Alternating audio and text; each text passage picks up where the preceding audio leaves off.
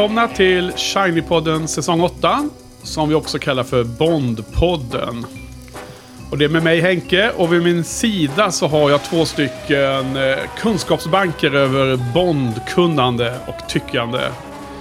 Och det är, det är från Göteborg, Patrik, välkommen. Tack. Hallå, hallå. Så, bakfull och god. Och det är från Altersbruk. I Norrland, Joel, välkommen. Hallå, hallå. Hallå, hallå, hallå. Ja, idag är det alltså... Ja, vilken film ska vi prata om idag, Patrik? Eh, Quantum of Solace. Wow. Det är alltså den andra Daniel Craig-filmen då. då. Av de fyra som har kommit hittills. Eh, så vi ska alldeles strax kasta oss in i det. Men idag har jag faktiskt en top 3 of, of my mind att eh, bjuda på. Eh, med ganska eh, lite blandat eh, innehåll. Är ni sugna på en liten eh, kortis? Alltid. Innan eh, vi Ja, börjar, absolut. börjar prata Bond. Okej. På tredje punkten då så tänkte jag faktiskt prata om något så udda eh, för att vara den här podden. Nämligen sport. Och det är då eh, pågående eh, förkval, eller vad man ska kalla det, till Amerikas Cup. Som seglas i Nya Zeeland. Och det här är ju en... Kanske sportvärldens äldsta pokal. Ehm, USA vann en, eh, en amerikansk båt som hette America. Vann en seglingstävling eh, runt Isle of Wight. Söder om Southampton 1851. 170 år sedan. Då eh, vann denna amerikanska eh, båt mot alla de brittiska som eh, den tävlade mot. Och den stora pokalen döptes om till Americas Cup då. Namnet på den båten som vann. Och USA tog, den, den, tog hem den och sen dess, 170 år nu då, så har Storbritannien eh, försökt eh, vinna tillbaks sin gamla eh, pokal. Och USA har ju haft den mestadels, men den eh, nuvarande ägaren då, som, de som vann senast var i Nya Zeeland. Eh, Så att utmanarna då som ska utmana Nya Zeeland om, att, eh, om denna cup. Eh, finalen heter då America's Cup. Eh, som kommer gå senare här om ett tag. Men nu pågår Prada Cup som är då utmanarnas eh, utslagstävlingar. Och eh, det har precis börjat. Eh, det är bara tre länder som utmanar. Det är Storbritannien som alltid är med. Det är USA och det är Italien. Och eh, man kan se de här sändningarna på YouTube. Och i efterhand då se dels liksom hela sändningen. Eh, eller dels sammanfattningar. Eh, och varje race ska ta ungefär 25 minuter. Så det är ganska trivsamt att kolla på. Och just anledningen till att jag lyfter det nu är ju att jag nu på morgonen här innan den här poddningen så satt jag just och såg eh, tredje, tredje racet i andra round robin mellan Italien och USA. Amerikanska båt, eh, teamet som heter American Magic. Som ledde eh, ganska komfortabelt i sista rundningen. Eh, det blåste på gränsen till max som de här stora 75-fotsbåtarna klarar av. Eh, och de kapsejsar ju då, eh, amerikanerna. Eh, de här båtarna flyger ju nu alltså, nu för tiden. De har sådana här foils. Exakt samma fysik som ligger bakom att flygplan kan flyga. Så har de en, en, en vinge på varsin, två vingar, en på vardera sida. Så de, man har nere vingen i, på läsidan av båten och så flyger hela båten ovanför vattenytan. När det, när det blåser bara några få sekundmeter så kommer de upp i det här. Och eh, de misslyckades med en manöver och hela båten lättade och landade och sen kapsejsade. Och så helt spektakulärt ut. Så att ni kan söka på American Magic eh, Capsize eller något sånt där. Så, så eh, går det nog att hitta bra många videos på det här ut på nätet. Så italienarna vann. Ja, så de vann det racet då. då. Men det, det, det lustiga med runt eh, britternas eh, 170-åriga vanmakt att inte kunna vinna tillbaka. Eh, nu verkar de ha en bra, en bra setup och de har en otroligt duktig skipper och så. Så att de har vunnit eh, fyra av fyra race nu då i den här utmanarserien. Så de leder ju utmanarserien efter... Men vad, vad vinner man av utmanarserien? Jag förstår inte. De är ju bara fyra lag liksom. Så, Det är tre utmanarbåtar och det gäller att få fram eh, den, eh, den som ska få utmana Nya Zeeland om America's Cup. Jaha, så det går ett one-on-one så att säga? Eller liksom... Ett... Ja, det, det, alla matcher är um, head to head, alltså Ja, matchracing. okej. Jaha. Så att nu, nu är det en slags grundserie mellan de här tre utmanarna. De möter varandra fyra gånger då. Fyra, alla möter alla fyra rundor. Ja, okej. Och sen så blir, det, ja, så blir det en semifinal. Och sen blir det en final bland utmanarna. Och så till slut har man en båt som får möta Nya Zeeland till slut. I själva... Varför har, man, varför har man gruppspel om det ändå... Om alla fyra går ju till semifinal? Ja, det, Jag förstår det- ingenting. Det är därför att... ehm, det, dels för att det ska bli, vara, bli en fler race. Och det är inte så många båtar med. Så att då får man mötas många gånger. Pengarna. Eh, så, ja, men dels är det för att liksom, det inte ska bara vara en segling en dag så det är över. Utan, men det är också för att det här... Eh, det är lite som Formel 1. Att det lika mycket en designtävling som det är en kappseglingstävling. Så att eh, de utvecklar ju båtarna hela tiden. Och de förbättrar och, och eh, trimmar in det här. Och det är hyfsat ny teknik då att ha stora 75 fots långa båtar som väger flera ton som flyger. Det är liksom inte något som har funnits länge. Nej. Så att eh, de, de har ju liksom ett tid på sig att, att lära sig det här. Om man säger så. För att, så, så att det är bara en fördel att det liksom finns en eh, grundserie och sen semifinal och sen final då för utmanarna. Och sen till slut final mot Nya Zeeland. Den riktiga finalen. Och det är det laget som har pokalen som får välja vart de ska segla, eller? Ja, det stämmer. Så nu seglas även finalen i vid Nya Zeeland. då. Ja, hela, hela varje års eh, event är på samma ställe då. då men Nya Zeeland eh, vann ju senast och de kör ju hemma i Auckland då. då och där är det ju sommar nu för övrigt och vinter här. Så att, eh, ja. Ehm, Okej, nej men det var spektakulärt. Jag är helt exalterad här. Alltså, det såg helt otroligt ut. Och ehm, det har ju hänt att eh, folk har dött. Bland annat så dog en kille på en svensk utmanare för ett antal år sedan. Men eh, man såg att alla elva klarade sig då.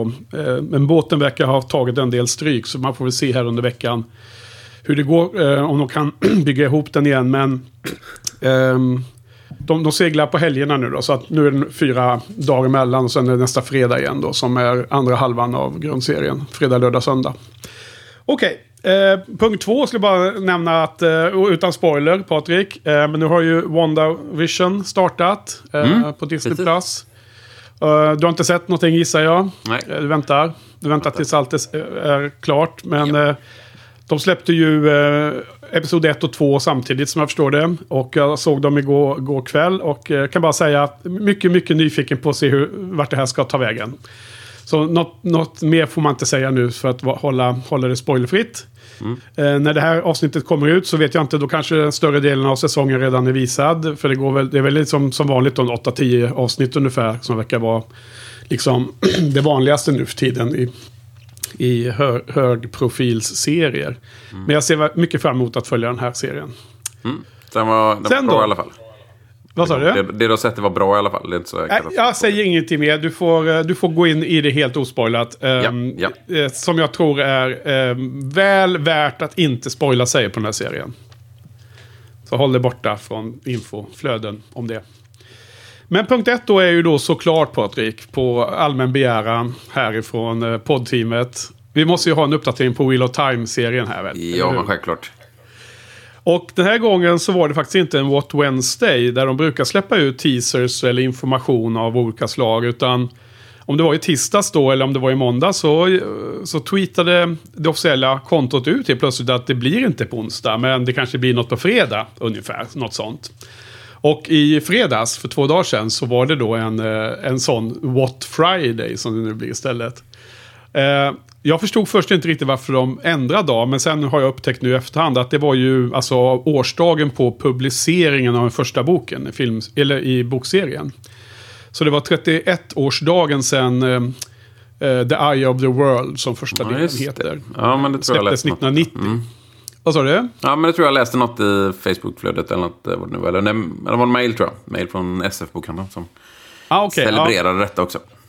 Just det, så att det, blev, det var väl därför de tog det i fredags. Och, um, den här gången var det också en teaser. Och, och den här gången var den så kort som jag upplevde att den första teasern vi pratade om var. Och, där, och nu var det då concept art som visades. Eh, så det var fem olika scener. Och eh, det var väldigt eh, trevligt att se. Eh, Konceptart är ju vad det är. Jag menar, det är ju inget... Det är på inget sätt liksom exakt en bild från vad som kommer i showen. Och det kan ju mycket väl... Alltså det kan ju, det kan ju påverka, det kan ju vara mer eller mindre likt eh, så som det blev i slutändan. Eh, jag, jag gick in på en eh, live YouTube-sändning från en av de mest, eh, en av de största content creators inom eh, Wheel of Time eh, fan, alltså communityn. Han, eh, The Dusty Wheel heter den kanalen och det, det är ju, jag har pratat om den snubben Matt tidigare. Men han hade i alla fall med två gäster och de gick igenom och kollade och liksom lite reactions över vad som kom ut där. För man visste att det skulle komma klockan sju svensk tid då på kvällen. Alltså ett eh, på, mitt på dagen där på östkusten i USA.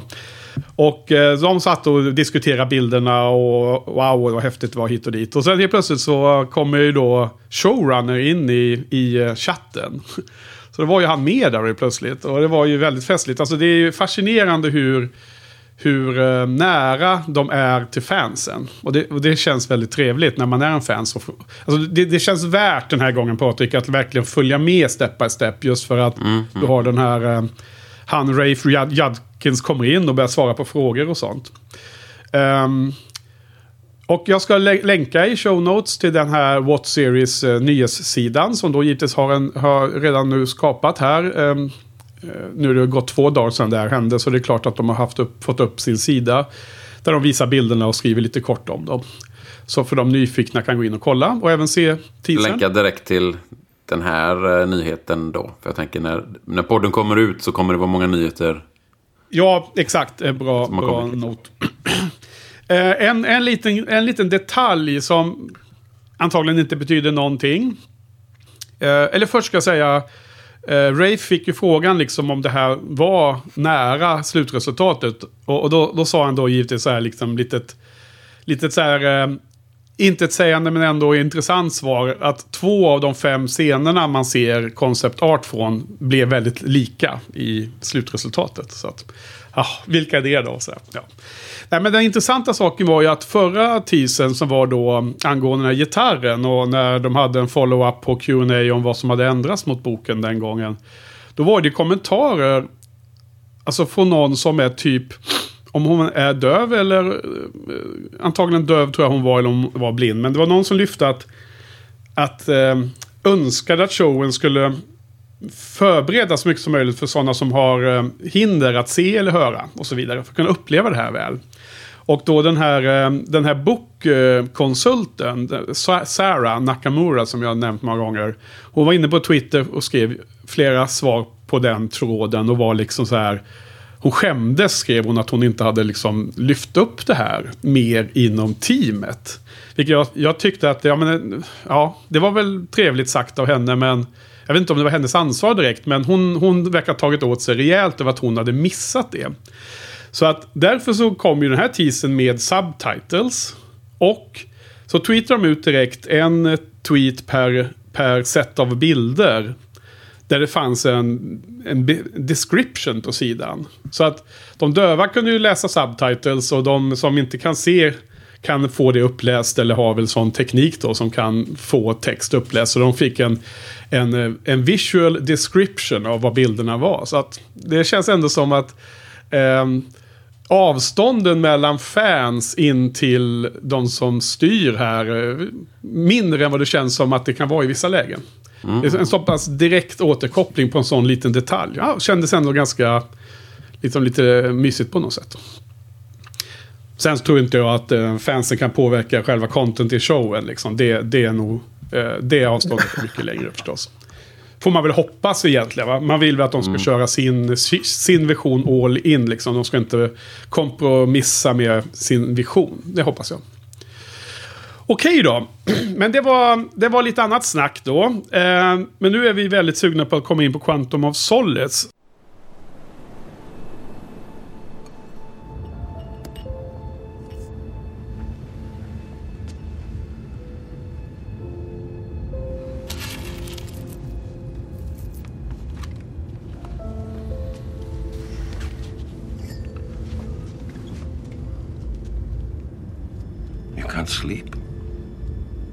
Fix your drink, sir? What are you drinking? I don't know. What am I drinking? Three measures of Gordon's gin, one of vodka, half a measure of Kina Lillet. Kina Lillet, which is not vermouth. Shaken well until it is ice cold, then served with a large, thin slice of lemon peel. Six of them. That's impressive. They're good, you should have one. No, it'll just keep me awake. So, what's keeping you awake? I was wondering why you came with me. It takes something to admit you were wrong. You want a sleeping pill? No. Pain pill? No. I have pills for everything. Some make you taller. Some make you forget. I'm going to try and get some sleep. Good idea.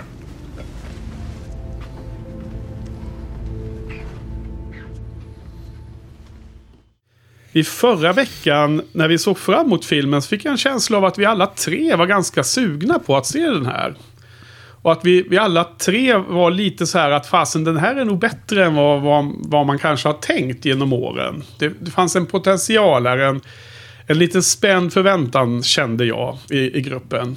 Och nu har vi sett den då. då. Eh, ska bli jättespännande att höra vad ni tyckte om den. Eh, men allra först då Patrik. Eh, du nämnde att du hade en eh, förklaring vad, vad, vad titeln står för. För det är någonting som jag aldrig har riktigt fattat. Alltså, Quantum of Solace. Alltså, sk- givetvis fattar jag att eh, den, den onda organisationen som den här filmen pratar om så mycket och som M är så orolig för. Den heter ju Quantum. Men mer har jag inte riktigt förstått i själva poängen med den här titeln och så.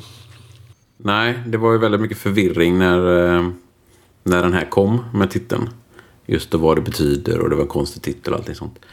Uh, först och främst så är ju detta, Quantum Solace är ju en novell skriven av Ian Fleming. Um, så då fick de äntligen ta en av de här. Det är ju inte speciellt många titel, titlar kvar av Fleming som man inte använt till filmerna. Då.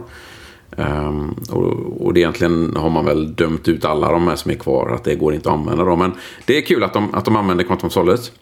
Um, och um, om vi nu bara ska prata om vad det betyder då. Så ehm, eh, Quantum of Solace, eller som Bond översätter det till Mount of Comfort. Det är alltså en, eh, en hypotes eh, som en man har i den här novellen om eh, att det är den mängden av tröst eller bekvämlighet, känslor, svårt att översätta kanske, som behövs för att ett förhållande är värt att fortsätta. Och det är egentligen alla förhållanden, inte bara kärleksförhållanden. Då, att, att man har en viss ja, comfort, liksom. Att, Om- om det går of, of, of comfort, Amount- amount, of comfort. comfort är det han översätter det då till. Eh, Lite mer eh, normal engelska, eller vad man. Eh, Alltså den, den, den nivån av ja, bekvämlighet i ett förhållande som gör det värt att fortsätta. Är det under så är det noll liksom, då, då, då är det lika bra att bryta upp eh, förhållandet. Då, liksom.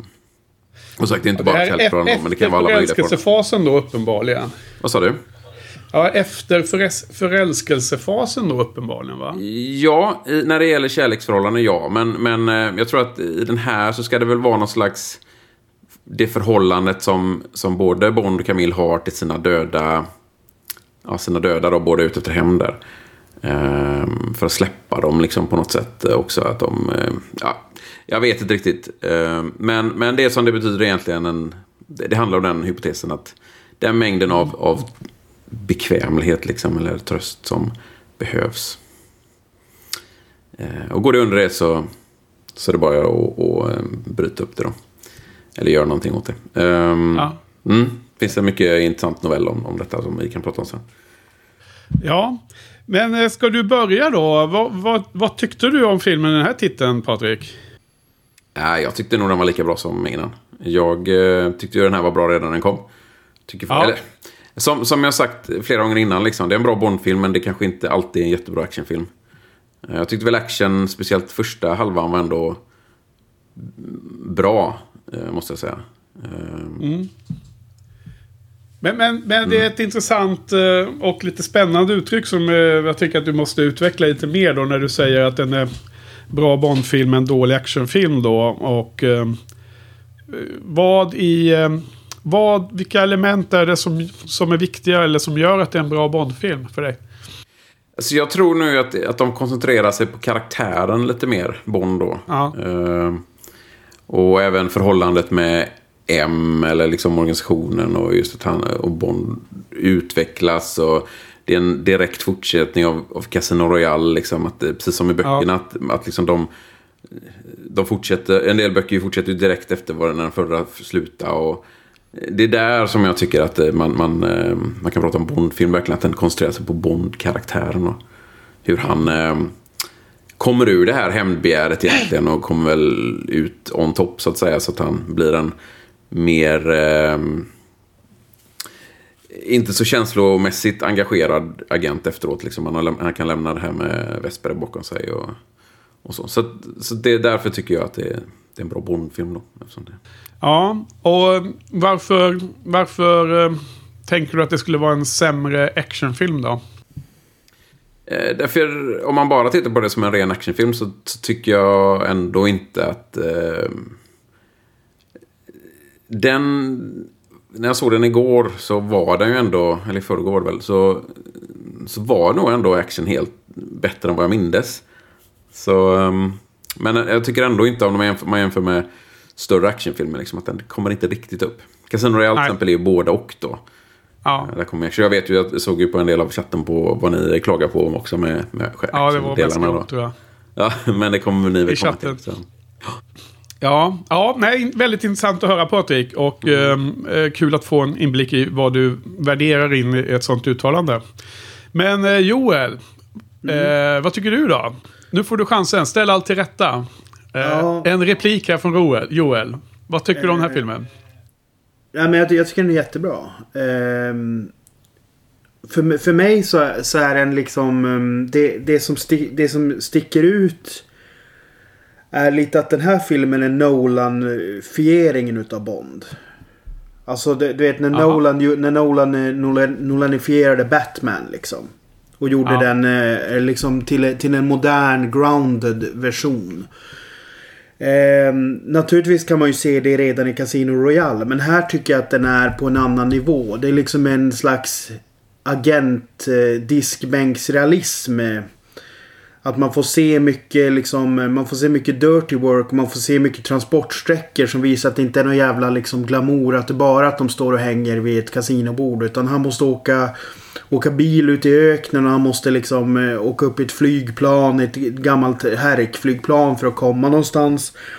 Och liksom han... Eh, när hans partner dör så slänger han honom villkorslöst i liksom en soptunna för att han liksom måste bara göra sig av med liket så att han kan åka iväg. Så att jag, jag gillar den lite. Det är lite grann som Mannen på taket ehm, med Bo, Bo Widerberg. Där typ en stor del av filmen visar ju hur, hur man städar upp och hanterar eh, liket från den som dödas i början av filmen. Det är lite den känslan jag får. För att eh, un, under filmen så får man följa det under dagen så att säga. De olika stadierna av hur, hur de städar upp efter, efter mordet. Lite samma liksom brukskänsla får jag i den här filmen som jag gillar. Sen så har jag nog kanske en invändning, eller inte en invändning, men, men en, en reflektion att jag tycker nästan att den här känns mer som en thriller. Alltså en... en, en eh, själva tonläget är liksom eh, lite åt det här som eh, Living Daylights gjorde bra med, med agentdelen där. Fast det här är lite mer Constant Gardner Bond-style. Om ni har sett Constant Gardner. Jo då, Liksom det här jag med- förstår med- precis vad du menar. Ja, liksom ekologiska. Alltså jag gillar, jag, gillar ju, jag gillar ju hela den grejen så jävla bra. Och jag tror att jag, jag har fått en indikation att jag tror att Patrik tycker som jag. Och det är ju det här att de placeholdar ju Spectre här med Quantum. För att de antagligen inte har rättigheterna till till organisationen. Och jag önskar ju att de bara hade fortsatt. Att de hade skitit i Spectre och bara låtit Quantum vara den här jävligt coola organisationen som är Spectre fast på 2000-talet. Och som liksom gör de här eh, under... Ja, att de tar över regeringar och sånt och liksom utpressar dem indirekt på ett mycket smartare sätt liksom. Och inte håller på med det här med bomber och liksom att ett visst antal pengar ska in liksom. Jag tycker det är så jävla briljant. Jag, jag älskar scenariot när han när han, eh, fransmannen, dealar med eh, den här diktatorn och blåser honom samtidigt och liksom det är... Dom, Dominic Green, ja. Ja, alltså jag kan på något sätt se, Alltså det här känns modernt och det känns liksom... Så som det antagligen är. Det är klart att det är vridet till sin spets. Men, men jag menar de sista dagarna med allt som har varit med Trump och sånt skit. Så man skulle ju... Det är ju inte svårt att se organisationer ligga, ligga liksom och dra i trådarna bakom. Eh, I många fall. Så att jag, jag tycker den är ruskigt underskattad. Den här filmen. Mm. Härligt. Du verkar hålla med Patrik i, i snacket om Quantum kontra eh, Spectre. Jag eh, har mycket att säga där. Eh, mycket bra eh, spaning, eh, Joel. Ehm, de hade ju inte... De var inte helt hundra. De fick ju en hel del rättigheter som jag pratade om förra, eller förra, förra podden. Ehm, men de var inte helt hundra på att de kunde använda Spectre. Därför vågade de inte det. Annars hade de ju säkert valt Spectre här då. De ville liksom inte ge den här Kevin McLaurin en chans att stämma dem och vinna. Um, så att de höll sig fortfarande bak det. Vad jag hade älskat är antingen som du säger Joel köra all in med Quantum resten mm. av filmerna. Eller om de ändå trodde att de skulle få Spectre till slut, vilket de fick då, Uh, att de i denna filmen inte hade nämnt organisationsnamnet ja, överhuvudtaget. Ja. Och att den, mm, precis ja. som i, i, i Casino Royale, att de inte säger liksom ingenting. De bara, det är någon slags organisation där bakom som är jättestor och vad, vad är detta liksom? Ingen information så. Och så hade det fortsatt ett par filmer och sen kanske då i Spectre då, då hade det, då hade ju impacten varit så fantastisk. Nu som Spectre, vad Spectre gör idag, det är ju, det, vi kommer ju komma till den om två veckor, men det är ju bara skohorn överallt liksom. Mm. Ja, alltså, och, det hade jag ju älskat. Ja, jag måste nästan säga att jag tyckte att den andra alternativet, det som du uh, lyfte upp nu Patrik, var det som var ännu bättre. Att liksom bara inte, inte nämna det, utan det är liksom ett mått på deras balls hur många filmer de skulle våga mm. köra eh, organisationen utan att nämna den. Och desto längre de går, desto bättre payoff blir det ju på något sätt. Om man gör det hyfsat bra då givetvis. Bygger det på. Men då hade ju revealen liksom, okej, okay, man landar i spektren. Det kanske har varit några som tyckte att det var en lätt men det har varit väldigt konsistent med hela Bond-franchise och så ju. Mm. Ja, precis. Um, men och också att liksom, igen, uh, de spelade in Jaws och mm, den mekaniska hajen inte funkar så de var tvungna att visa den sent i filmen. Så etablerar man ett, liksom, eh, i all framtid hur man ska liksom hålla på att visa eh, fienden eller, eller monstret liksom. Då blir det mycket mer spännande ju ja. Ja, nej, jag, jag förra gången när jag, när jag körde mitt, eh, mitt bloggprojekt för sju år sedan så var ju den här den stora överraskningen. Och jag tror jag rankade den som eh, åttonde filmen och sånt där på hela den listan som fanns då. Om det var 23 filmer då.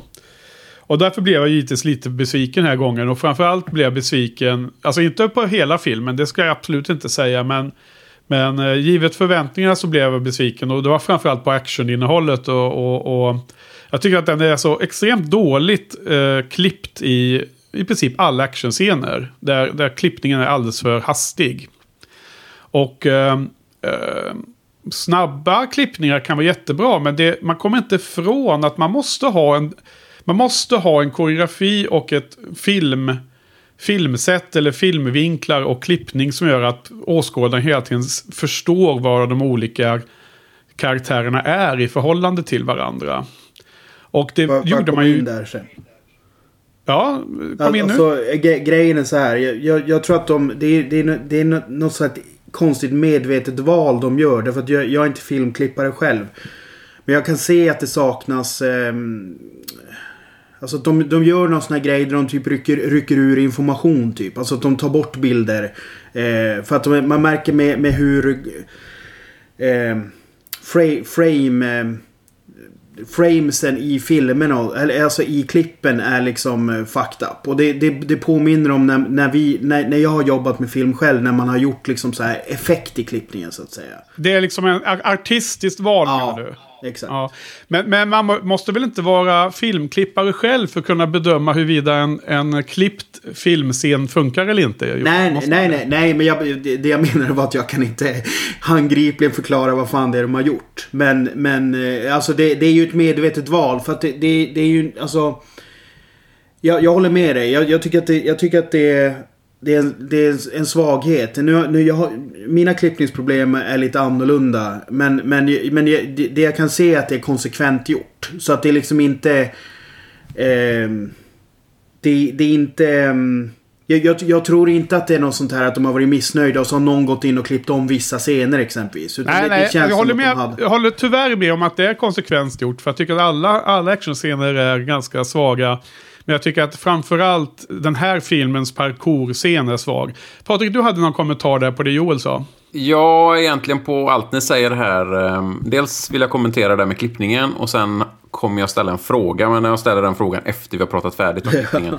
och, och, eh, men det är ju det att ehm, eh, han eh, har ju klagat en del att han fick för lite tid att klippa. Han fick bara 5-6 veckor och han brukar ha 13 veckor så har jag läst. Eh, Kan det... Jag har inte själv tänkt så jättemycket på att klippningen var dålig i den här filmen. Eh, Men kan det vara så att han hade lite tid då? Det är klart, det är konsekvent som ni säger då. Så men jag funderar på om tidsbristen kan göra att det inte riktigt Om jag ska vara ärlig. Jag är inte heller klippare, men, men jag är film... eh, Jag, jag, jag tar mig rätten att, att ha åsikter om filmer eftersom Oh ja. jag, jag, jag poddar om filmer. Ehm, Så, så tycker jag snarare att då borde han ha klippt mindre om man hade... Om man hade kort om tid så borde scenerna i så fall bli ehm, för lite klippta om man säger så. Nu har han ju gått overkill på klippningen. Och, och den här parkour-serien som... Scenen som vi såg i Casino Royale är ju en masterclass om man jämför med motsvarande scen i inledningen av den här filmen. Där, för att i, först, i förra filmen så visste vi hela tiden hur Bond förhöll sig till den han jagade. Och man förstod spänningen, man förstod svårigheterna. Och man hade liksom, man upplevde hela jakten väl, på- ett närvarande sätt. Eh, den här jakten, det är för övrigt då efter att eh, Eh, eh, han, eh, kollegan har förrått dem där inne när de, när de förhör Mr. White. Och sen så jagar Bond eh, efter den här kollegan som har förrått dem. Och så springer de ut och, och springer upp och ner i trappor och in i något, någon kyrka eller vad det är med någon, någon byggställning i slutet. Det är den scenen jag tänker på framförallt. Ja, alltså när Bond hänger där i ena foten och dinglar och inte når sin pistol precis i slutet. Alltså det, det är inget spännande för att du har, ingen, du har inga referensramar. Du kan inte riktigt se vem... Är, är, det liksom, eh, är det självklart att Bond får sin pistol först? Eller är det självklart att den andra ska få sin först? Det finns, finns liksom inte... Spänningen som jag upplevde i förra filmen finns inte här för att den har klippt sönder vad som, det man ser. Allting är bara snabba flash, flashes liksom framför ögonen. Och det, det tycker jag bara är jäkligt dåligt. Och sen visar det att det återkommer ju i varenda actionscen. Det är ju liksom... Även med båtarna där när, när Bond eh, stoppar slash eh, räddar hon... Eh, vad hon nu heter, eh, Bondbruden i den här filmen då. Camille. Ja. Camille. Det är också alldeles för snabbt klippt så man liksom får liksom aldrig någon känsla för vad som händer. Och det, det måste jag ändå säga på minussidan. Kan det, kan det vara anledning? Det här, nu har de ju tagit in ytterligare en regissör som inte är en actionregissör då. Eh, och eh, jag tror jag läste någon eh, intervju med han Mark Forster som har gjort filmen att eh, det, det största actionscenen han har gjort hit innan den här filmen var typ eh, när en bok ramlar ner från en bokhylla. Så, jag funderar på om det kan vara något sånt. Eh, Att han bara Ja. inte är duktig på det helt enkelt. Eh, Men, men Så, sagt, så inte han- det var i alla fall någonting jag, jag upp, upplevde ganska tydligt när jag såg filmen igår och var som en besvikelse. Sen, sen måste jag ändå säga att, att ehm, jag håller helt med Joel och, och, och er båda om att, att det finns mycket värden i den här filmen. Och det jag, Jag gillar fortsätta med framförallt klippningen är... där bara. Jag hade, jag hade en kommentar om klippningen där när ni var klara. Ja, okej, jag För trodde redan ställde frågan. Nej, nej, nej. nej. Ja, sorry. Eh, Det här kanske är till Joel framförallt då. Eh, För jag har läst ganska mycket eh, om de här filmerna. Många av filmerna har, har de klagat på att de inte haft tid att klippa.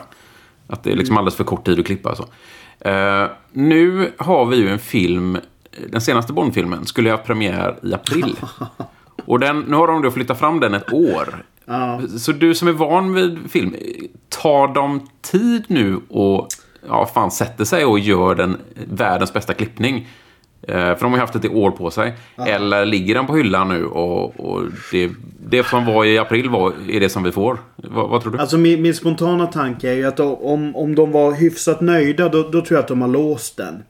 Men har regissören uttryckligen eh, sagt att han är missnöjd då har de säkert jobbat med det under pandemin. Ja, men det är ju bra i så fall. Mm. Eh, Ja, så man slipper Men- ha men- det här att ah, men jag fick inte mycket, till mycket tid. Alltså, det, det, som är, det som är kruxet är ju att du, du kan inte göra specialeffekter och du kan inte mixa musik innan, innan klippningen är låst. Alltså det finns olika stadier av att visst, du kan göra det delvis. Men i stort sett filmens timeline måste vara hyfsat låst. eh, För att du, annars blir det en massa extra jobb. eh, Eller att du gör saker i onödan som inte behövs.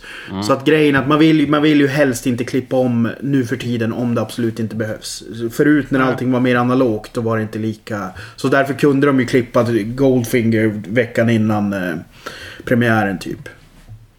ja. Men, men också om, om det nu är så att Patrik att och som Joel också spanar på, som jag också håller med om, att det är ju konsistent genom hela filmen. Då har han gjort ett artistiskt val och, och sen då får han en kritik och då säger han helt plötsligt nej, jag hade för kort tid. Liksom. Men det är ungefär som att Ja. säga att jag har gjort en, gjort en jätte, den bästa möjliga oljemålningen, eh, men nu blir den försenad ett år. Nu kan jag måla över det tre, fyra gånger till, så blir det bä- bättre. Det blir ju inte så liksom.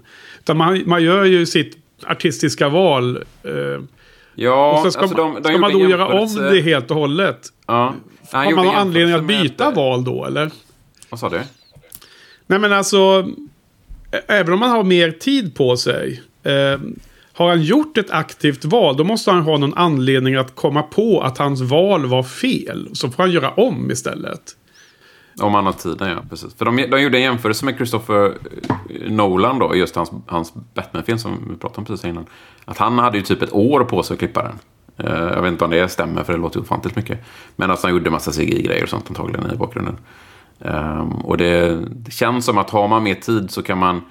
eh, det lät liksom som, har man mer tid på sig så kan man liksom testa olika klippningar. Och ja, funkar inte den, då har du tid att liksom göra en ny klippning. Ja, och funkar ja. det? Och, så man kan alltså, Det beror, det beror ju på. Det, det, det, det enda fördelen jag, jag kan se här är att i och med att han, han har valt en så tydlig look som han har gjort.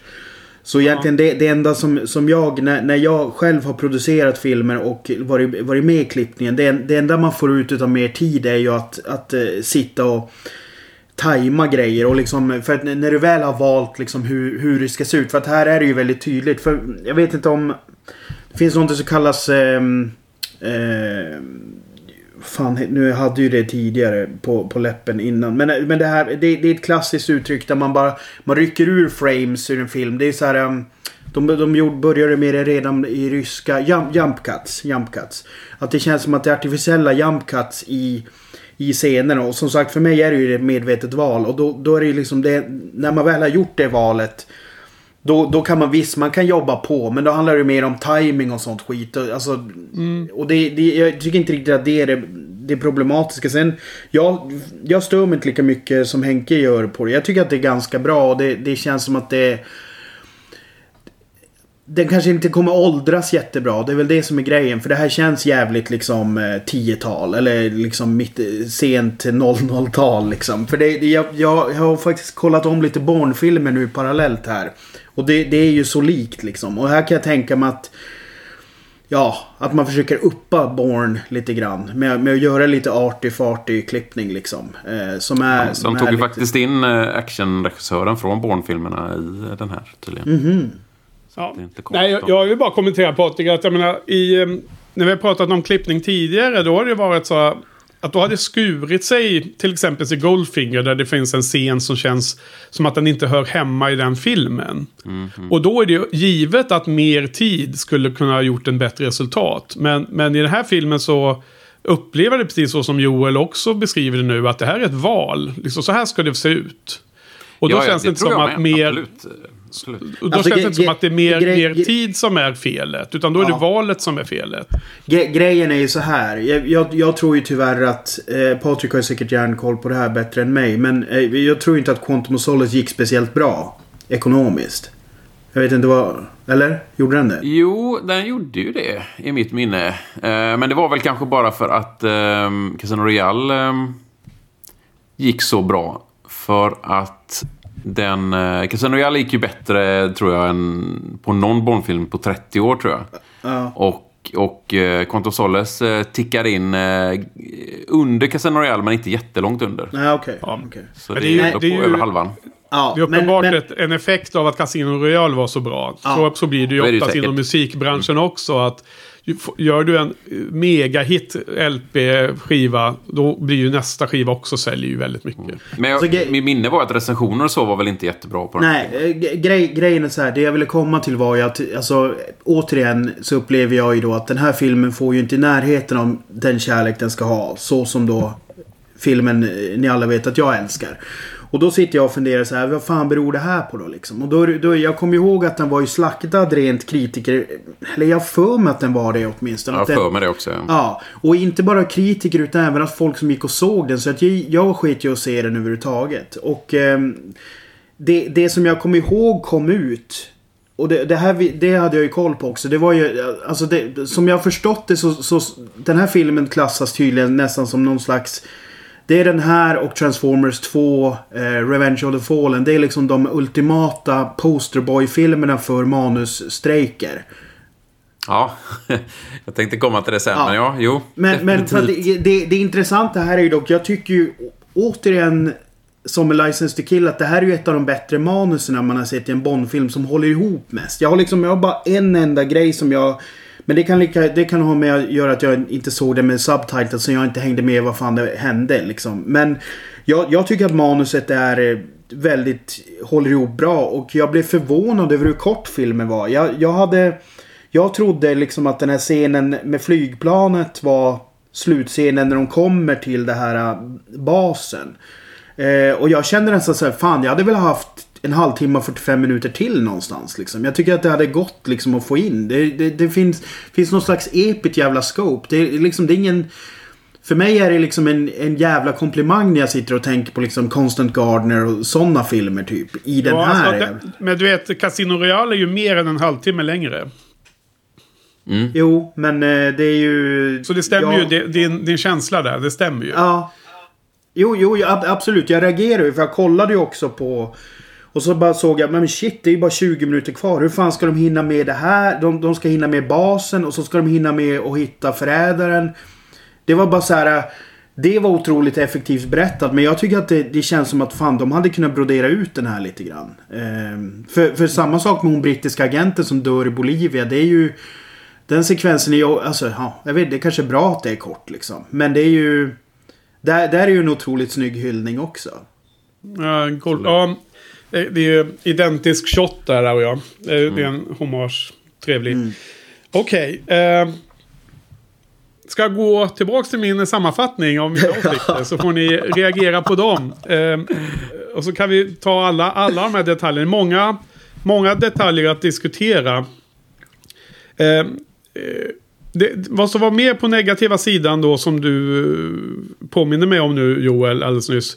Det är att jag, jag tycker att, att eh, medan tematiken är bra och den kom jag till på plussidan så tycker jag ändå att skurken i den här filmen är otroligt svag. Eh, jag, jag känner inte intresse av att se mer av Dominic Green eller att få umgås mer med honom liksom. Eh, det är eh, tyvärr, jag vet inte alltså. Det känns som att Bond-serien har inte så himla starka skurkar i, överlag. Det, det, det är många ikoniska som man känner igen mest av gammal vana. Men det är slående nu när man ser om alla filmerna så här komprimerat Patrik. Att jag saknar riktigt bra skurkar känns det som. Jag vet inte om man har blivit bortskämd eller att det, det är någonting i alla fall. Och här tycker jag att det är en av um, de, ja, de svagaste i hela serien nästan. Skulle jag säga. Eh, Så, så det blir ju negativt alltså. Eh, Men på plussidan så gillar jag absolut det som du var inne på. Eller som jag tror ni båda var inne på förresten. Och det är ju liksom att det är karaktärsdrivet och att det är Bond-lore. Att det är så mycket återblickar till Vesper. Och eh, som jag skrev i chatten där att Vespers theme går ju om det är fem, sex gånger ungefär. Och det räcker med bara en Underbart. eller två toner så känner du igen det nu. Mm. För, för på, på, på din inrådan så letar jag ju fram detta och jag tror till och med att jag klippte in det lite i förra veckans avsnitt så att den observanta lyssnaren eh, kan, hjälptes att identifiera vilka toner det är. Och jag, jag älskar att det finns den återkopplingen som går ända tillbaks till sista scenen i filmen. Liksom. Vilket gör att det här i allra högsta grad är en eh, eh, del ett och del två av samma story på något sätt. Så det älskar jag. Och jag älskar också Mattis. Mattis och eh, det är ju liksom när han dör där och blir dumpad i eh, dumpstern. Det är ju liksom, eh, känns ju i magen mycket mer än det typ sen eh, i Hennes Majestäts Hemliga Tjänst. Liksom, typ. Jag har inte eh, eh, fått sådana typer av... Eh, eh, att det känns på riktigt på något sätt för, förrän nu. Så att det, det säger ju något också.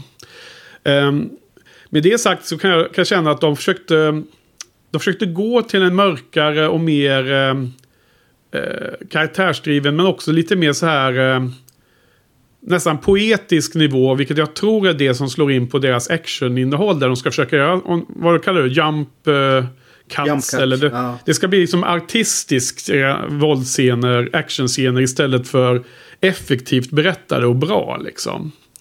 Ehm, Kan ju bli och, bra. eh, Vi hade ju det från Die Another Day också. Då var det ju också så att han skulle vara så jävla arty-farty.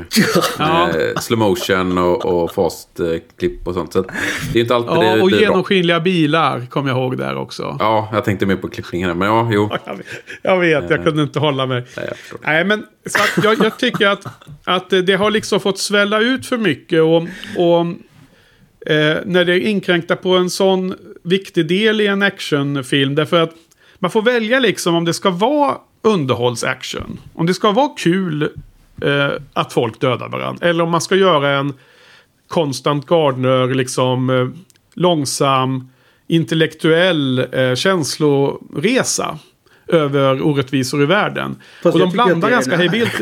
Vad sa du? Det är det jag tycker den är. Ja, exakt, de blandar ganska hejvilt här. De har ju de här elementen här, jag menar, om, om vattnet och de här eh, lokala indianfolken som eh, försöker få vatten ur kranen och sista droppen liksom allt där. Och Bond som åker buss tillbaks till stan och sånt. Men det, det ser man inte i vanliga fall. Då ska han åka en röd Ferrari in till kasinot i Monte Carlo och se dryg ut liksom. Och ställa sig en pose där på trappan och, och, och, glo, och glo på Joel liksom. Det är sådana scener vi är vana med. Så att på något sätt så tycker jag att vid den här titeln att det blev en eh, väldig massa olika intryck. Väldigt, väldigt rörigt i huvudet på vad de egentligen ville med den här filmen. Eh, känner jag. Mm. Men som sagt, inte bara negativt utan eh, den överraskar ju förra gången och den här gången så hade den kvar sina starka sidor men jag la märke till de svaga delarna lite mer tror jag. Mm. Fast det, det är ju så här, nu, nu kommer jag vara lite självrannsakan här. Men det är nog ingen slump att jag kuggar i på både den här och License to Kill. Därför att det är ju... Det, det, som, det som slår mig nu när jag sett om de två relativt nära är ju att License to Kill är ju mer Bond-tropig i enskilda scener. Alltså ungefär som det här när Q kommer med gadgets och sådana grejer. Här, här är det ju verkligen det jag menar med någon slags nol- Nolanifiering. Att det liksom är liksom en upphöjning av Bond till, till kanske någonting vi inte har sett riktigt. Visst, vi, Casino Royale var första steget men där var det ändå lite mer Bondigt. Här är det ju lite mer License to Kill It liksom. På något sätt. Upplever jag det. Jag menar hämndhistorien som de lägger på henne och hur han bryter upp är ju också. Det är ju alltså det här um, när han sista 30 minuterna där Go Rogue. Det är ju väldigt, det är ju väldigt snabbt i jämförelse med License Kill. Men det var ju där jag kände att jag saknade kanske något ytterligare steg. Alltså att jag hade gärna sett kanske 20-30 minuter till liksom. Eh, men alltså så att om man ser det ur perspektivet att de väljer att på något sätt för en, en gång för alla göra sig av med Roger Moore eh, quipsen liksom. Så, så känns det ju som en, en att man tar, tar karaktären vidare och man kanske släpper, släpper den här eh, liksom mest flambranta komiken liksom. På något sätt. För det är det jag upplever lite att den här filmen gör. Är det Ja, det har vi ju gjort. Den Ja. har ju inte, de har ju inte den komiken på det sättet. Och de, de scener som en Roger Moore-Bond skulle sagt en lustig one-liner så har de ju aktivt valt att, att låta Daniel Craig göra något tvärtom istället. Så att det, det, det känns ju väldigt tydligt. Jag menar, han, han sitter på flygplanet där i, i nattflighten över till eh, Sydamerika och dricker sin sjätte eh, Vesper-drink. Och han bara liksom, nej jag skitsamma vad jag dricker liksom. Ehm, Full för första gången i en Bondfilm. Typ. Ja. ja. Ehm, men ehm, varför börjar det kännas som att de överanvänder den nya Bond-tropen att han ska hålla på och gå rogue hela jävla tiden, eller? Nu är det var, och Ja, annan rätt film han ska Ja, liksom... det är rätt ofta faktiskt. Ja, det har ju Jag blivit... menar, det Ja, gjorde ju Pierce blivit- Brosnan också där i någon film. Ja, jo men det var ju, det var ju också, vad heter det, Day, Die Another Day. Ja.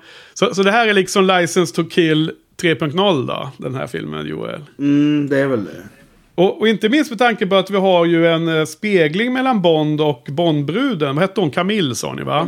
Ja. Det- Båda är drivna av hämnd. Och båda är kapabla och agenter. Precis som Pam var. Och vi får ju då den här, Joel, jag tänkte, Joel måste ju vara exalterad nu. För vi fick ju en korsklippning i slutet där mellan dem. De hade varsin fight. Jo, eller men- eller men var jo, det en bra ja, korsklippning? Det, det är bra att du tar upp det. För det, den, det är ju... Den känns ju så jävla mycket mer befogad. I och med att de har planterat så jävla tydligt vad hon råkade ut för.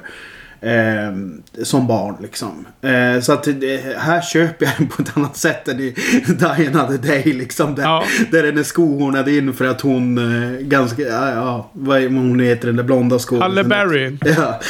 Ja, ja precis. Eh, Rosamund att Halle Pike, Berry ska slåss mot eh, Rosamund Pike där ja. Precis. Ehm, nej men alltså det, det är ju... För det jag gillar här är ju också... Vi har ju... Ni har ju varit huggit på mig här några gånger om eh, Bondbrudar som eh, skulle vara som Pam ungefär. Men här, här kör de ju faktiskt lite Pam Bouvier-formulan med att hon är mer närvarande. Sen tycker jag ju fortfarande... kortare hår också eller? Jo, men eh, återigen så saknar man bara det här att hon kom, kommer in på greenfesten klädd i samma klänning och samma frisyr. Så. För, förra gången ville du ha att tjejen skulle ha kortare hår, det hade räckt. Nu är det tydligen samma kläder. Nej men så att det, det, jag tycker det var ett intressant val. Sen är det ju någonting där som inte riktigt... ehm, ehm, hon lever ju inte riktigt upp till Carrie Lowell.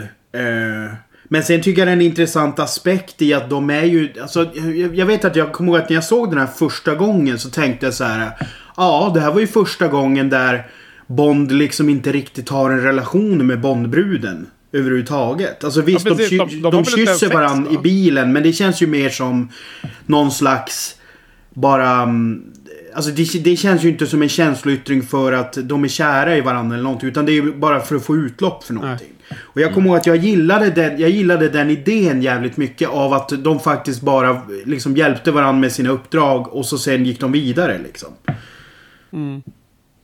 Det, det la jag också märke till igår och tyckte var, kändes ganska bra faktiskt. Ganska skönt. Det, det, det var ju ytterligare ett steg ifrån den vanliga mallen ja. Ja. Du då Patrik, vad tycker du om eh, Bondbruden i den här filmen? Ehm, som karaktär så är hon väl ändå rätt bra. Det, som sagt, det sitter ihop. ehm, eh, gör en callback till att hon nästan blir innebränd i slutet. eh, Eller som barn då. eh, Och kommer tillbaka i slutet. Så eh, skådespelaren, hon är väl, hon är väl okej. Det är väl inte jättemycket mer. Hon är inte speciellt stark, är hon inte? Så nej, det, det är ingen, det är ingen eh, Bondbrud som står ut för mig tycker jag. Men, eh, men absolut, som, som Ove säger, de är ju de är ju ganska lika. Hon är agent. Båda drivs av hämnd. Eh, det är rätt kul spegling så. Att, att båda liksom drivs av samma... De, de, eh, det, är det är ju där de hittar sin gemensamma...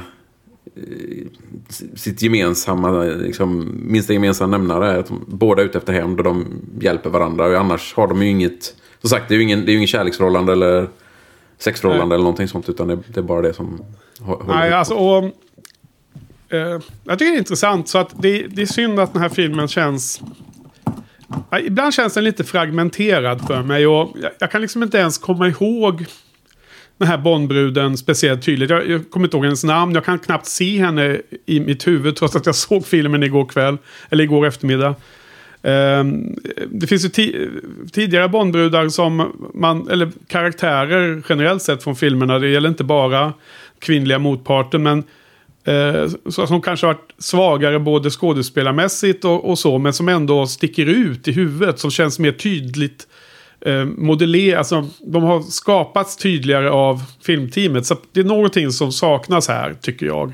Det är svårt att sätta fingret på det. Men, men kan det vara det här som, som Joel var inne på lite kort, att eh, det var ju manusstrejk vid den här tiden och Eh, de kanske inte hade tid. Eh, för, för de hann ju, Paul Hagge som, som var med och gjorde manuset, han, hade ju, han hann ju göra liksom eh, en draft av manuset och lämna in den typ dagen innan som strejken började eller någonting.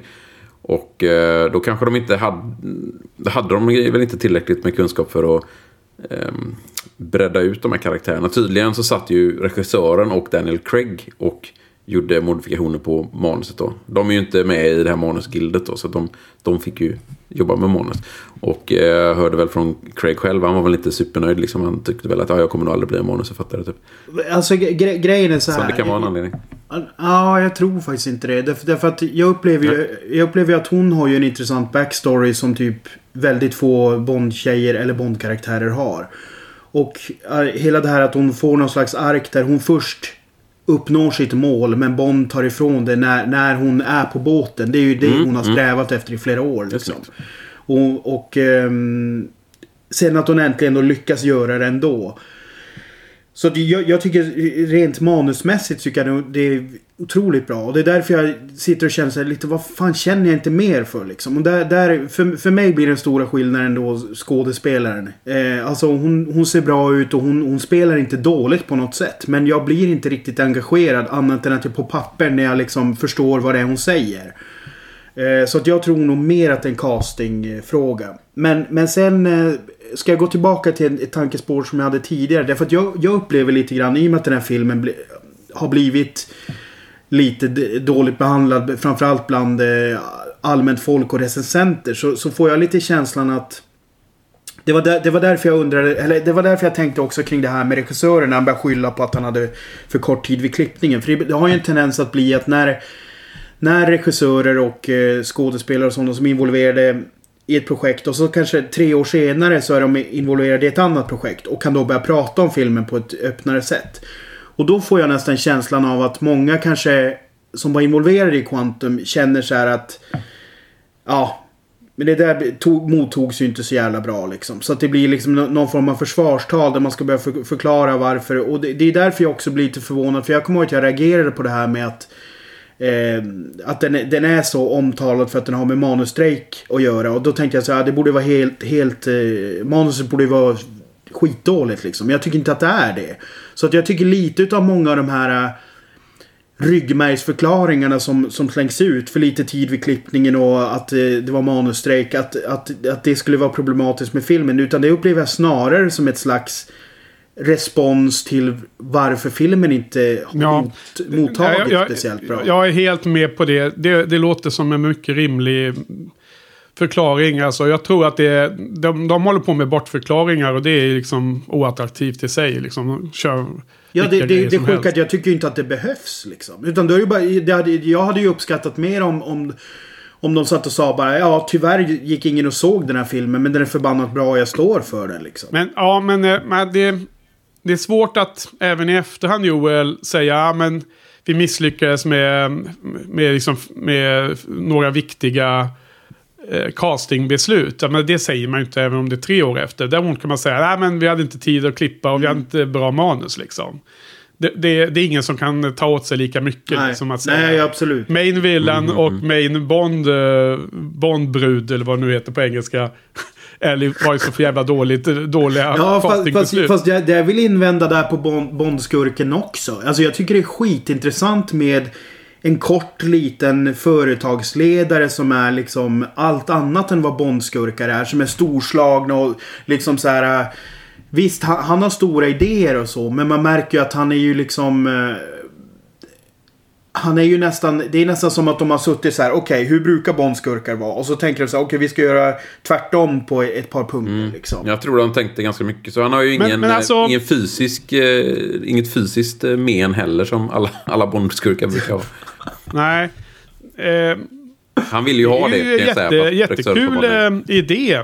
Men måste fortfarande ha en karismatiskt bra skådis och en bra genomförd skurk. Absolut, han kunde säkert ha kastats bättre. Men jag, jag tycker att han, så som, så som Quantum, eller då som ju är en gren av Spectre skildras nu, så tycker jag att det här var, var ju också ett bra val av att ha någon som är ganska eh, liksom försvinner i mängden på något sätt. Alltså han, han, är, han sticker ju inte ut och det känns som att det rimmar in i, bra med hur de Men, bygger upp. men eh, eh, jag håller... Jag, jag köper inte ditt, dina, din, din argumentation fullt ut. För jag menar, Tempest Mr. White från förra filmen som är med här också är ju inte heller en liksom typisk stor, stark eh, så. Han är ju liksom ett äldre man som ser ut att vara en... Han skulle lika gärna kunna spela en accountant. Men han var ju, tyckte vi alla var jättebra. Jag menar, det är den nivån man vill ha skurken. Därför att jag vill inte ha en skurk som är fysiskt en, en eh, motpol eh, till Bond. Jag vill att det ska vara en karaktärsmässigt lika stor tyngd i skurken som det är i Bond. Det är då balansen kommer. Mm. Det, det, det, jag, det jag är ute efter är lite grann att jag, jag tror till och med man säger, säger det i filmen att så här. Nu återigen, jag såg den utan subtitles så jag vet inte riktigt om jag hängde med i alla svängar. Men jag får man att han säger något så här, ja du kan döda mig men det spelar ingen roll liksom. Han säger, Jo, han säger det till generalen där i slutet, ja. Men bland annat. Men, nej, men så att om man följer din tanke där Joel, då hade jag faktiskt hellre velat sett en, eh, en, att man har en, en kvinnlig skurk som skulle varit badass. Det hade också kunnat varit en eh, företagsledartyp eller något sånt där. Men det hade varit ännu mer en, en kontrast till Bond. Eh, och inte hotat Bond eh, med sin fysik utan mer med sin position eller hela organisationen i sin rygg. Eh, jag, jag, jag känner bara att, eh, att, att, att eh, eh när jag, jag håller med din, din generella analys, men jag bara tycker att det var en riktigt dålig casting och att det blev inget bra. Liksom. Det är ingen minnesvärd eh, stor impact av den här skurken. Och, och det, det kanske är ännu mer illa för den här filmen just med tanke på vilken feeling de har och vilken typ av mer dramaorienterad och relationsorienterad film det är. Känner jag. Mm. Ja, absolut. Jag, jag kan absolut hålla med dig. Det, det är inte så att det här liksom är topp fem Bondskurk. Absolut inte. Däremot så verkar de ha fastnat väldigt mycket vid idén av att göra Quantum liksom faceless och eh, i, i skuggorna. Och, och då passar det in med någon som kanske inte sticker ut jättemycket. Men absolut, man, man hade kunnat gjort bättre. Sen, sen jag stör mig inte jättemycket av honom. Eh, så, det gör jag inte själv. Nej, Jag tror, jag tror tanken eh, funkar för mig alldeles utmärkt. Just att eh, det är ju... eh, Det är ju inte actionfigurer som, som är ledare inom Quantum. Utan ja, den här eh, företagsledaren passar bra in där. Och de har en ganska... En, en person, en skådespelare som, som ser ja, normal ut. Så jag eh, tycker att tanken var alldeles utmärkt. Men jag håller med dig, det är ju, det är ju ingen minnesvärd skurk överhuvudtaget. Liksom. Så de misslyckas men- lite redan där. Lite mer kar karisma på skådespelaren hade ju varit bättre. Absolut. Det är liksom lite Hail Hydra över det hela här. Från eh, Agents of Shield. Att det är liksom en stor organisation och klipper du bort en så kommer det bara två nya liksom. Så, att- så att det är, det är ju den där... Den biten gillar jag också. Det är, inte, det är absolut inte det som jag har något emot. Utan det är karaktären i sig då. Ja. Eh, men åter till Camille förresten. För jag glömde nämna det att eh, jag gillar ju planteringen och hennes bakgrund. Som du nämnde Joel, eller om det var Patrik. Men jag gillar också det här när, när Bond frågar henne om hon har dödat någon ännu. Och eh, hon eh, ger en min som förklarar att hon inte har gjort det. Och då säger han ju det här att eh, ta bara ett djupt, djupt andetag och make the bullet count eller något sånt där. Och, och sen kommer ju det tillbaks. När han skyddar henne där i elden. När hon säger not this way, not this way. Och, och det är den andra scenen som jag, jag tycker känd, kändes rejält i magen. Alltså, jag, tyckte det var, jag, blev, jag fick nästan andnöd när jag såg den scenen den här gången. Och, och tycker att det är liksom väldigt fascinerande att eh, så starka reaktioner kan skapas i en Bondfilm. Eh, för jag menar i en Roger Moore-Bond-film så förväntar jag mig inget av den typen av reaktioner. Så på något, någonting har den här filmen gjort som är rätt i alla fall. Men jag, jag tycker det är för, för, för få gånger. Men då när Bond liksom tar fram eh, pistolen så ska han ju skjuta henne där. För att eh, hon ska få slippa eh, dö i, i lågorna. Och jag tycker det är en väldigt stark scen. Alltså, det är ju supermörkt där det ju. Um, och sen så, så får Bond se vägen ut där då. Eh, man får gå genom väggen istället genom uh, skjuta på den här gasbehållaren. Eh, så han, han är ju snabbtänkt, gode James. Men uh, jäklar vilket bistert slut alltså det, det höll på att bli på filmen. Eller hur? Mm, Ja, det är bra. Absolut. det är bra. Eh, känner ni också eh, att det stack till lite i hjärtat där eller? Ja, ja, Nej, jag absolut. känner, Jo. ja. Mm. Nej men alltså det, det, det, är ju, det är ju en scen som, eh, som passar in här. Alltså i det generella tonläget här. Alltså det är ju lite en Empire Strikes Back känsla i mycket av filmen. Så att det hade ju varit brutalt om... eh, alltså om de hade gjort det riktigt mörkt på något jävla sätt. Jag hade, Ja. nog, jag hade nog inte haft så jävla mycket emot det. Nej. Nej. Ehm, ja. Ehm, och sen då... ehm, eh, alla de här referenserna tillbaka till Vesper. Alltså, jag, menar, jag, jag nämnde det för en stund sedan. Men ni, ehm, ni har inte hyllat det tillräckligt mycket. Vad tycker ni om detta? Gillar jag- ni detta? Här, här kommer ju nu min... eh, Varför jag inte är riktigt lika såld på Casino Royale som er. Jag känner ju inte riktigt så här, aha, det, det som byggdes upp i den ledde till allt det här. Och allt, allt eh, hjärtesorg och liksom eh, att det är så jävla smäktande. Alltså det är ju så här, jag hade, jag hade mer köpt det här upplägget om vi hade haft eh, Diana Rigg i Hennes Majestäts. Eller att Pam hade dött. då, då, hade jag, då hade jag köpt det. Men, men jag vet inte, jag tycker den här flingen i Casino Royale. Ja, den är fin och så, men det är inte riktigt... eh, Motsvarar inte riktigt mörkret och djupet i den här. Alltså jag gillar ju filmen i sig, men jag, jag har lite... Alltså, det, och jag gillar att de här kop, filmerna är kopplade till varandra så fint. Eh, det gillar jag absolut. Men jag, jag, jag tycker det haltar lite där. Men det är jag nog ensam i, i Skype-rummet att tycka. Ja, Ja, jag- jag alltså, är ju ombord eh, på tåget, eh, skyfflar eh, kol i loket och tjoar och kimmar med min eh, hatt liksom. Jag är ju helt med på det. Jag älskar ju alla de här eh, Vespers tema och... Nej, tusen procent med. Ja.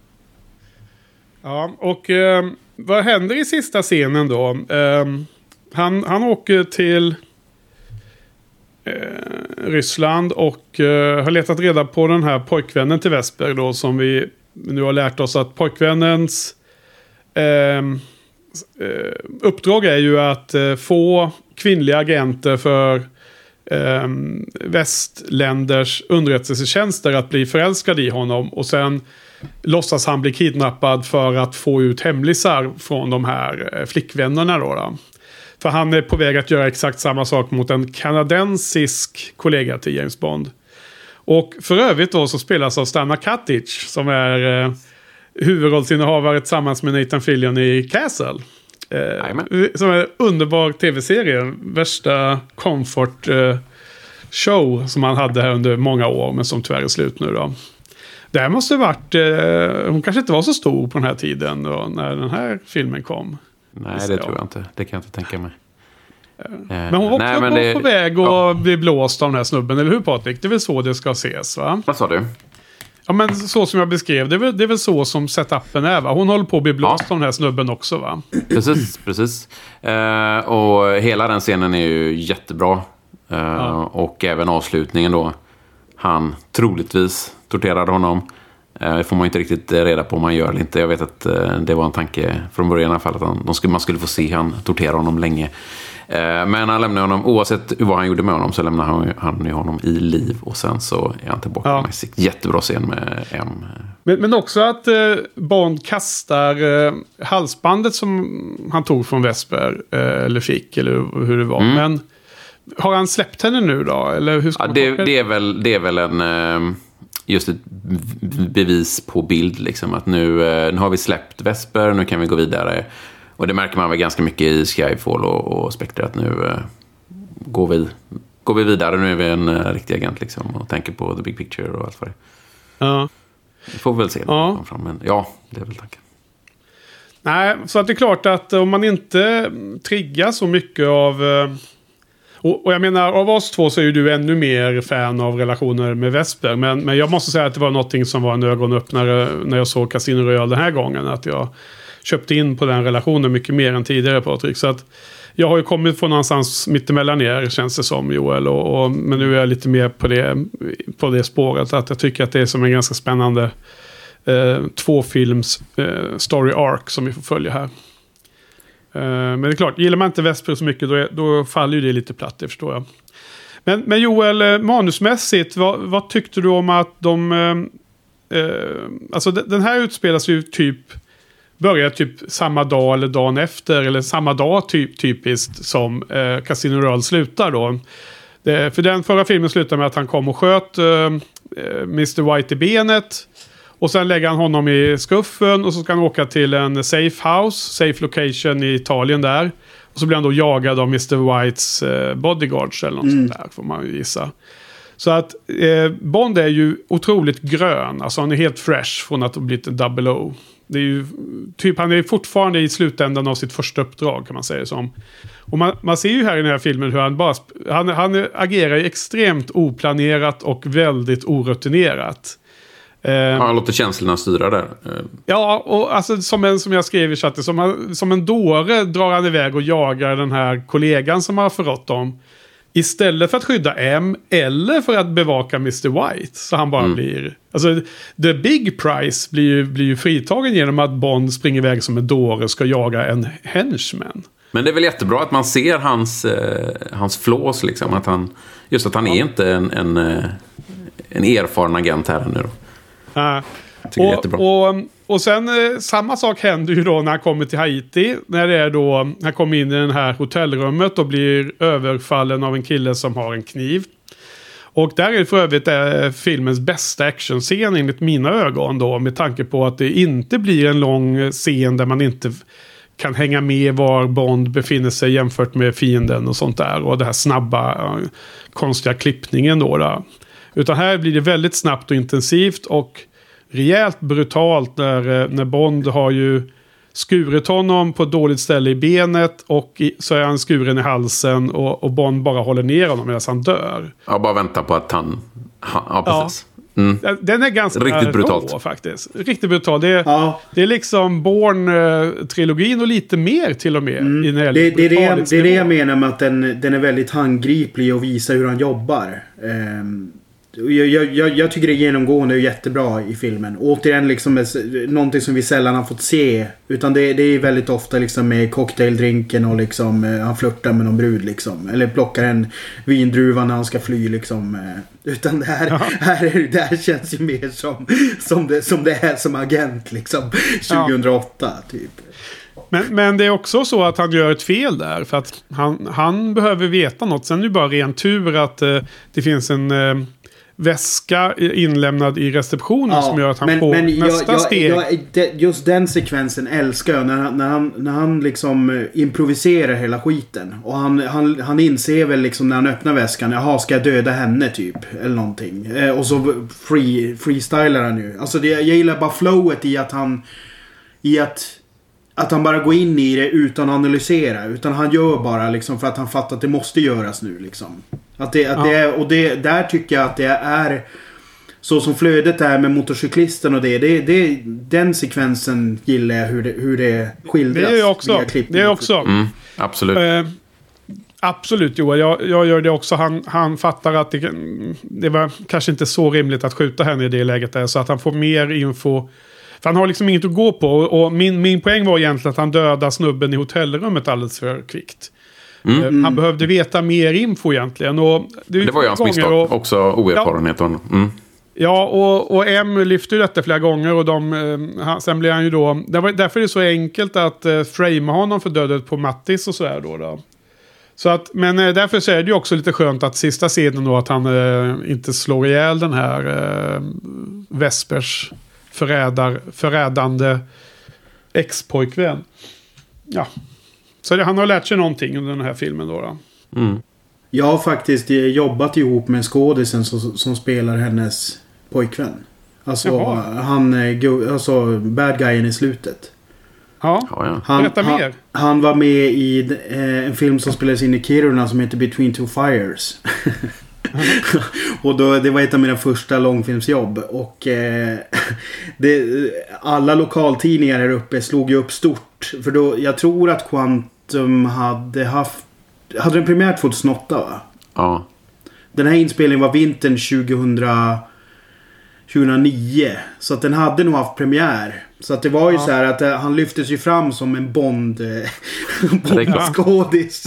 Men det var väl typ, det var väl ingen som hade sett Quantum. Så att, men han fick ju skriva en jävla massa autografer och skit. Men de visste väl inte hur lite han var med i filmen. Han, enligt lokalpressen så var han väl liksom the big bad eller någonting. Men det var ju inte riktigt...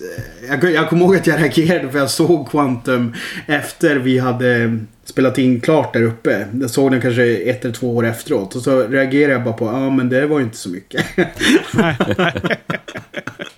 Ja.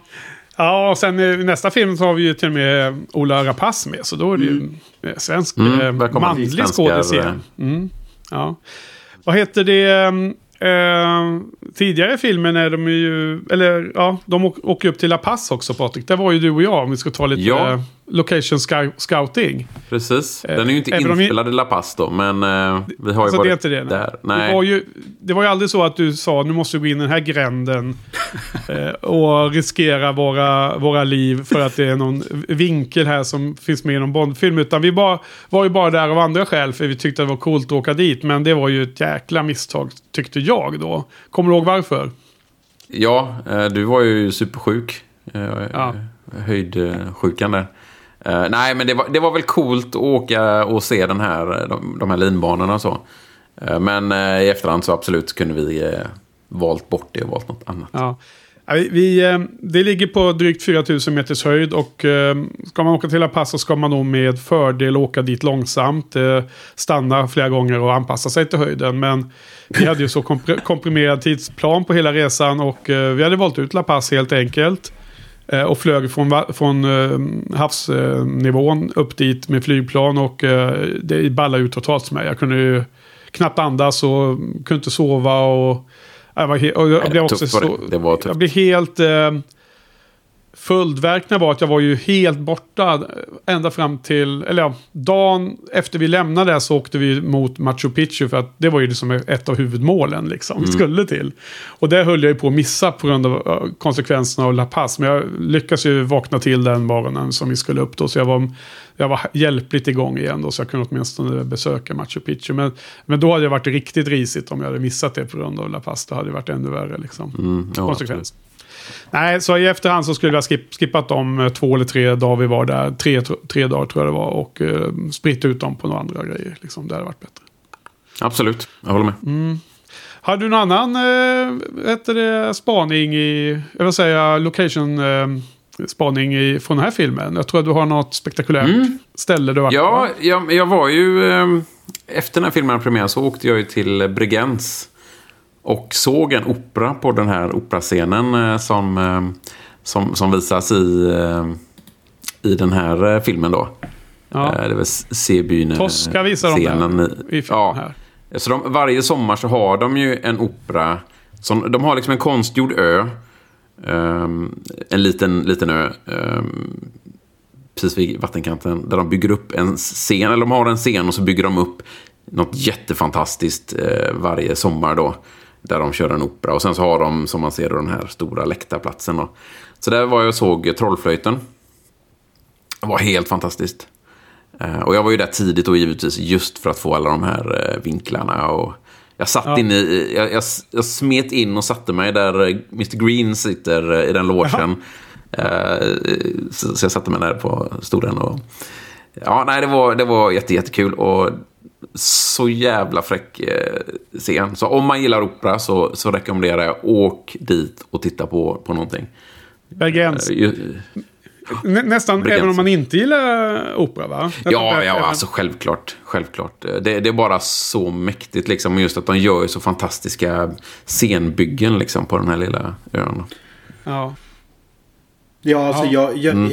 i filmen tycker jag att det är en av de mest fantastiska scenerna. Dels scenografiskt med det här jävla ögat uppe på scenen. Jag vet inte om Mm. det är någon känd opera som... Eller om de bara hittar på. Nej, det, det här är ju... Det, var ju Tosca gick väl då, tror jag, antar jag. Ja. Det verkar vara en modern variant så att eh, med såna, de kan ju göra dem i modern sättning och sånt. Mm, liksom, det så gjorde att, de eh. Men, men sen, sen så tycker jag återigen att det är ett sånt jävla bra bevis på att visa hur uppfinningsrik han är för att, hur han jobbar liksom. Det här när han bara avbryter samtalet så han kan, han kan fota alla. Jag älskar den detaljen. Ja, det är så bra. Och, och, och Mr White, stencool. Han bara sitter kvar. Han panik. Går, han tar kort och kort. Mr White bara sitter kvar liksom. Jo men det är ju så här att han, han absolut, det är en jättefin iakttagelse. För jag tänkte också på det. Vad fan han sitter ju kvar. Men det är ju såklart, han känner väl Bond på något sätt. På ett annat Ja, men alltså, han smälter ju in där det sitter Ja. ett antal tusen liksom. Så han förstår ju att han kommer ju aldrig hitta mig här. Om, jag, om jag inte rör, Men- helt men- börjar röra på mig liksom. Ja. Eh, Så det, Nej, och det är det- jättebra Bond. eh, Ja. Och så tar han kort och... En Alltså, för- Jättefin kamera tydligen eh, som man kan ta de här. Precis. Ja, exakt. Det är minst tio år före tekniken fanns, men hans MR6 har de bästa, de det. bästa Sony Ericsson-telefonerna, uppenbarligen. Mm. Tyvärr är det fortfarande att de ska visa den här jäkla eh, liksom, eh, produktplacement här. Fortfarande känns det som lite. Eh, En kommentar förresten om den scenen. Eh, Anders Freid som vi pratar om ibland, han som, som eh, eh, är chefredaktör där för, från Sweden with Love, eh, Ja. Jens Bond. Eh, han är ju faktiskt med. Han var ju Birgens och fick vara statist då i, eh, så, att man ser han faktiskt eh, flimma förbi lite snabbt. Ja, det är Så det är lite coolt. Jag är jävligt avundsjuk på, på det. Ja, det, är väl riktigt. någonting man vill uppnå. Vara med i en båt. Liksom. Ja, nej, det är en riktigt cool scen faktiskt. Och en av de scener man kommer ihåg. Och Ja, jag trodde man- nästan... Jag trodde... Jag hade för mig att den här var med i, vad heter det, Spectre. Faktiskt. Att det var en... en alltså jag mindes bara totalt fel. Att det hade med Ja. Spectre-avslöjandet att göra. Men det säger ju lite ändå. För att det, det här är ju en av liksom Craig... Craig, Craigarnas film, eh, eller Craig, Craig, Bondarnas så, så här scener som verkligen sticker ut för mig som en minnesvärd scen. Jag gillar den verkligen. jo, Skitsnygg. Verkligen. Ehm, absolut. Och, men det finns, det finns ju även då den här sista scenen i det här hotellet ute i, i öknen. Tycker jag också är en sån lokation som sticker ut lite bland alla Daniel Craigs eh, fyra filmer. Eh, nu kommer jag inte ihåg exakt vad det heter, men det är ju ett riktigt hotell som finns där va? Ja, jag har aldrig varit... Eh, hotellet heter eh, Perla de las Lunas. Du, Dunas med det. Eh, jag gissar att det betyder ökenpärla eller någonting. Var, vart ligger det någonstans? Eh, det ligger väl i eh, Chile tror jag. Det är ju, det vad jag förstår det som så är det ett, det finns ett observatorium precis bredvid. Och det hotellet används för de astronomer som kommer liksom och besöker. Eh, jag, ehm, ja, det, jag tycker det ser coolt ut och allting sånt. Men jag är alltid så, eh, jag är alltid lite besviken. Jag ser det, det känns så det, underdådigt liksom. Det ser schysst ut men ändå känns det, jag vet inte, det känns inte sådär spektakulärt. Det ser snyggt ut, men in, ja, jag vet inte. Det är någonting som skadar. Det, det är något som saknas. Jag, jag, jag, jag tycker att det ser också eh, snyggt ut, men eh, jag tycker att det är ganska...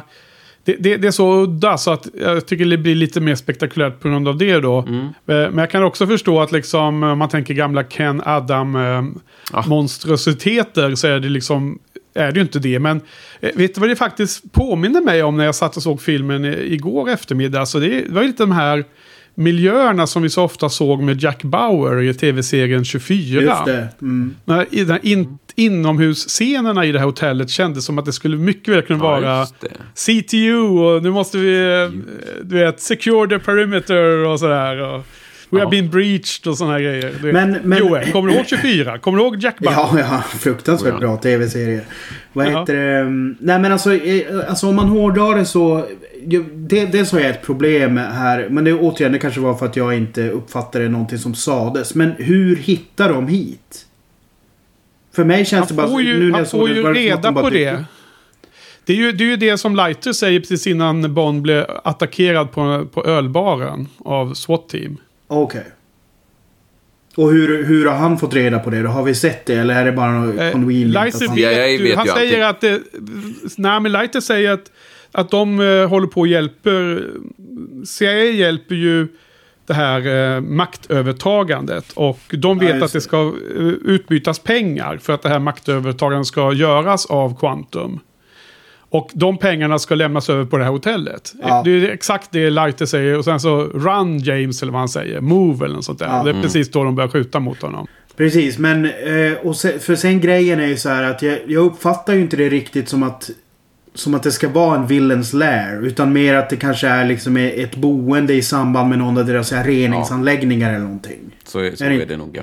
Ja, nej, det är ingen Villains lär. Utan, och det kanske är det då som gör att det saknas något där i Patriks ögon. ja. Fast, fast återigen, återigen så tycker jag att det är klockrent för filmen liksom. Alltså det, det, alltså, för det hade, det hade ju bara...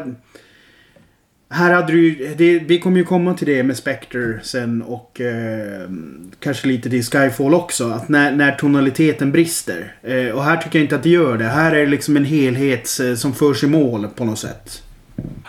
Du menar att eh, det är mer konsistent med den här villen att han hyr ett konferensrum på ett Exakt. hotell. Exakt. Istället Än- för att att, vi- ha, än att vi ha ska en åka till- underjordisk eh, en- stor byggnad som har Ja, byggts än att vi ska under åka till något decennier. jävla örnäste någonstans där Ja. han sitter. Nej, det är och helt rätt.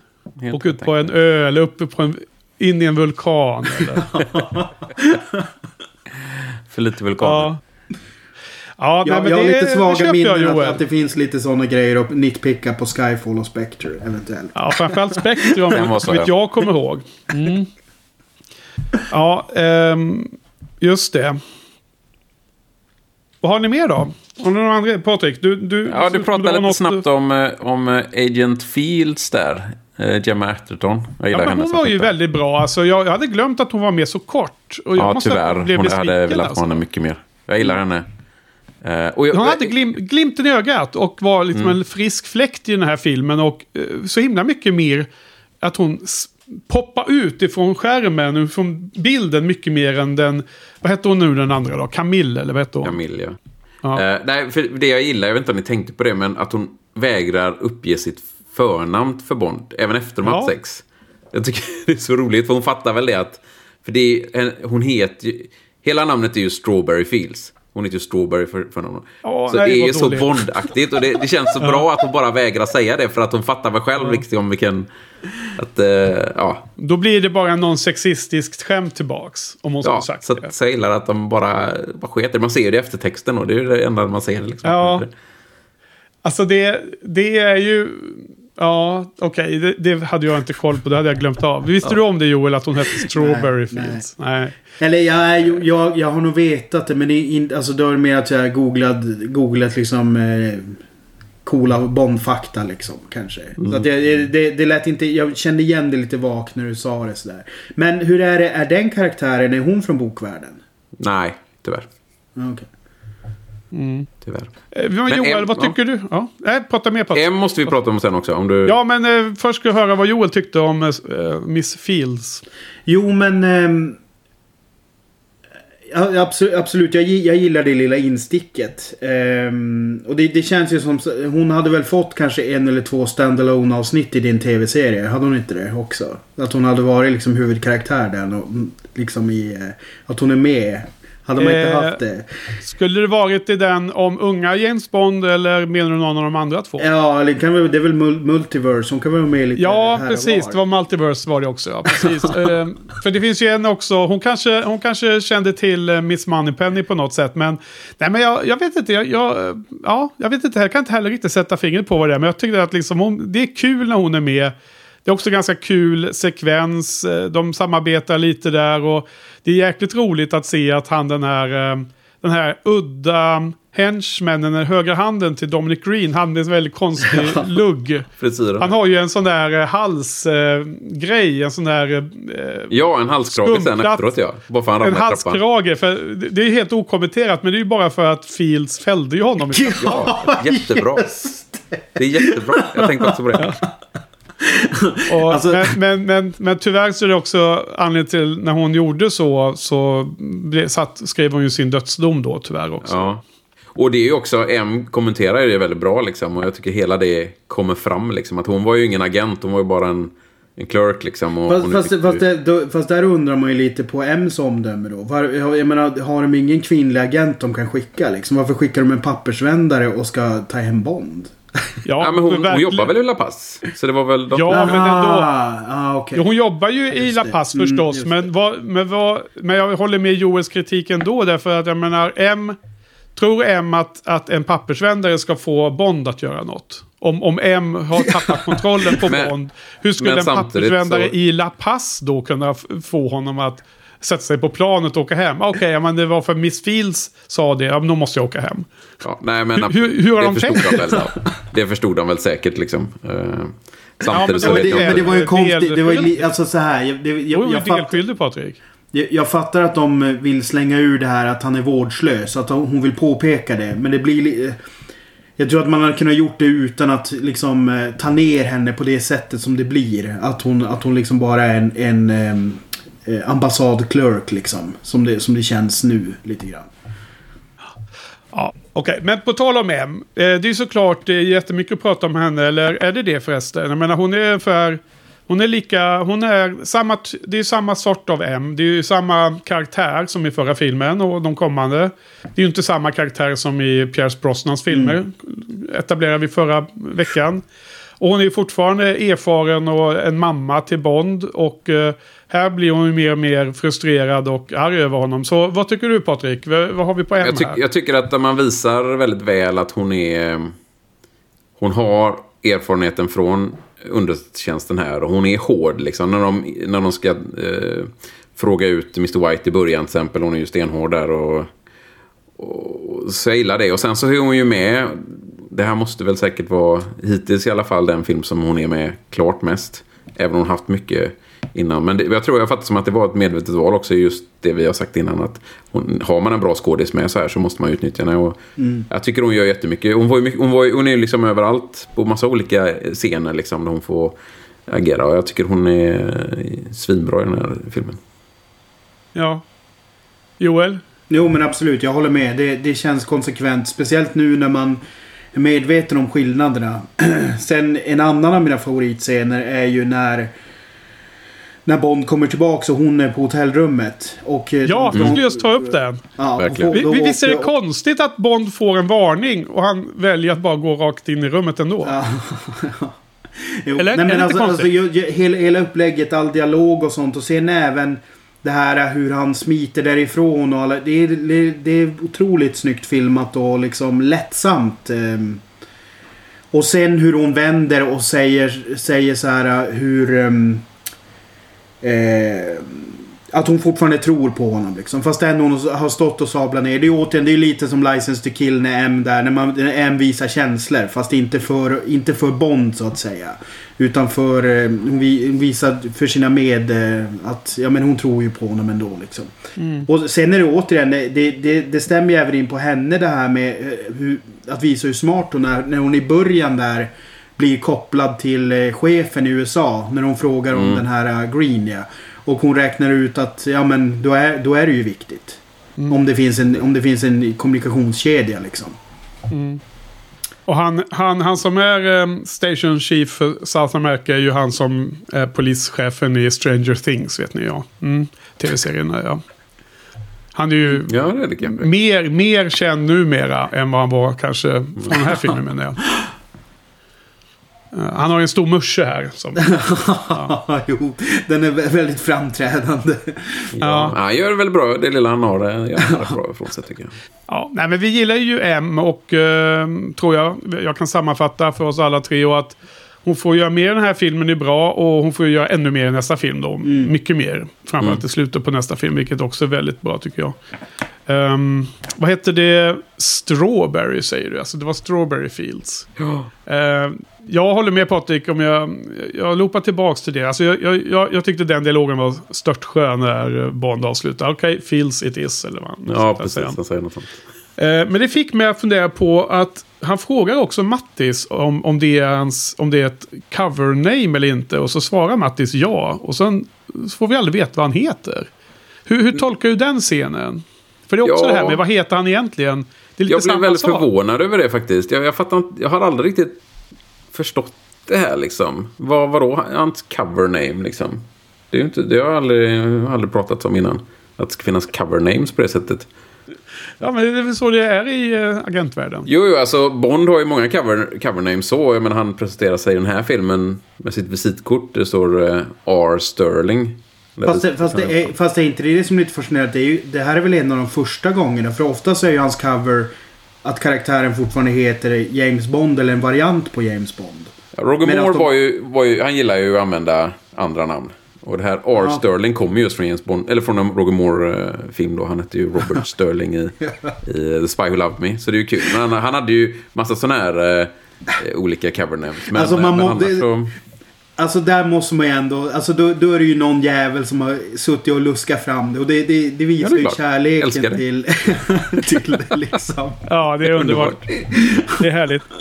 Eh, Det är ju, ehm, eh, ska vi för alla, alla, alla lyssnare som tycker att det här var en härlig liten sekvens, då ska man ju också tipsa om filmen Fletch. Ska ni gå tillbaka till den, 1985. Där är vi mästaren om, eh, av eh, att, att använda andra namn. Cover name. Har Ja, cover name. Han har ett gäng sånt. Men, men för att gå tillbaka till det där med eh, covernamnet. Eh, har inte det med någon slags sån här um, kamratanda att göra? Att han kanske vill höra av sig till hans släktingar eller någonting? Alltså... Ja, han, han vill bli personlig helt plötsligt i Ja. slutet. Där. Han, det är väl Bonds sätt också att han... Eh, jag menar, med tanke på vad som hände i Casino Royale och vad de pratar om när de ses i den här filmen. Att eh, Bond liksom misstrodde honom och tortyren och allt det där emellan. Och att Mattis överhuvudtaget kan komma förbi det är ju strångt i sig. Och Jag tycker han är så jäkla bra i båda de här filmerna. Eh, den skådisen. Och, och sen här då han introducerar sin gode vän, den här polischefen då, som är en av de där som sitter och Eh, får, får pengar sen i hotellet i slutet. Så att eh, Mattis hade, han hade helt missat det. Han, hade, han var... Han, han hade missat tåget där när det gäller vad som var rätt och fel i det här landet. Så det var kört för honom. Eh, sen att han, att han lever där då skulle ju kunna... Eh, hur tolkar ni det? Var, fanns det liksom en chans att Mattis kanske inte skulle blivit dödad egentligen om de bara fått tag på, kunnat skjuta ner Bond där i den scenen med motorcykelpoliserna som stoppar honom? Jag vet inte hur, hur... Han var ju skadad, men jag vet inte hur skadad han var när han låg där. För han var ju inte död. Och Nej, han var ju inte död. Det känns ju som att Bond tar upp honom och använder honom som sköld. Ja, det är också lite brutalt. Vilket känns jävligt klokt. Men han kanske i och för sig trodde att han var död när han drog upp honom då. För han såg ju... Ja. Såg Nej men det, det var ju... De beordrar ju honom också att göra det. Typ. De gjorde ju det. Mm, jo. Men jag menar, ponera att polisen bara skjutit Bond i huvudet. Hade, de, hade Mattis också då mm, Ja, rimligen jag. skjutits av poliserna. Men det kan också varit att den här gamla polischefen har sagt att Mattis får gå liksom ungefär. Men, men det är väl Ja. kanske Då får han ju, O- kan os- osannolikt. mot polisen. Ja, väldigt osannolikt. Ja, nej, det hade ju inte hänt då. Så att, eh, att Bond använde honom som sköld var liksom bara för, förkorta hans eh, lidande kan man säga. Så. Mm. Eh, Men på tal om det, något ni kanske tänkte eller tänkte inte på. Jag har ju pratat mycket om att vi borde ha en sån räknare hur många gånger Bond blir tillfångatagen av skurkar. Ja, Han blir faktiskt inte tillfångatagen av skurkar en enda gång i den här filmen. Nej. Eh, Det är ju imponerande av honom. För en gång skulle Ja. att han undvek det. Han blir tillfångatagen av MI6 där eh, några sekunder. Men annars så, av skurkarna så klarar han sig. Men det, men det är ju lustigt också för, för det här när, när Bond får en inbjudan till Greens fest där. Mm. Det undrar man ju också. Varför bjuder Green in honom? Ja, men han, det var väl Matti som hade lyckats eh, fixa eh, biljetter tror jag. Ah, Så det var inte Green utan det var ju... Nej men för liksom- att, det- för att det, Men eh, såg du, såg, du, såg du någon indikation på det i filmen eller är det att du lägger ihop det själv? Ja, det var, han fick ju, ja, han fick ju Ja, det är någon, någon, kort kommentar när han får brevet. Här har du en... eh, du ska Ja, gå på en fest, säger han. Ja, För, för Mattis har ju sagt att han hade kontakter liksom. Ja, just han har varit. Ja, ja, jo, stationerad där flera år. absolut. absolut. Så, så, så, så tänkte jag på det. Ja. ja. Mm. ja. Vad säger ni? Har vi eh, stort svart hål i magen också? En stor saknad. En stor Det oro. Ska vi, Ehm. ska vi eh, fylla den med någon form av eh, ljuvligt content här, Patrik? Såg ni, men- såg ni Michael J. Wilson eh, i filmen här nu eller? Michael Det Wilson var svårt att se honom, men spotting. han, är ju, han har ju en ganska tydlig roll i filmen, men det kanske var svårt att se honom. Nej, jag såg honom inte den här gången. Eh, för när Bond är i Haiti så hämtar han ut den här väskan på, i hotellreceptionen. Då sitter han och läser en tidning där. Jajamän. Ja.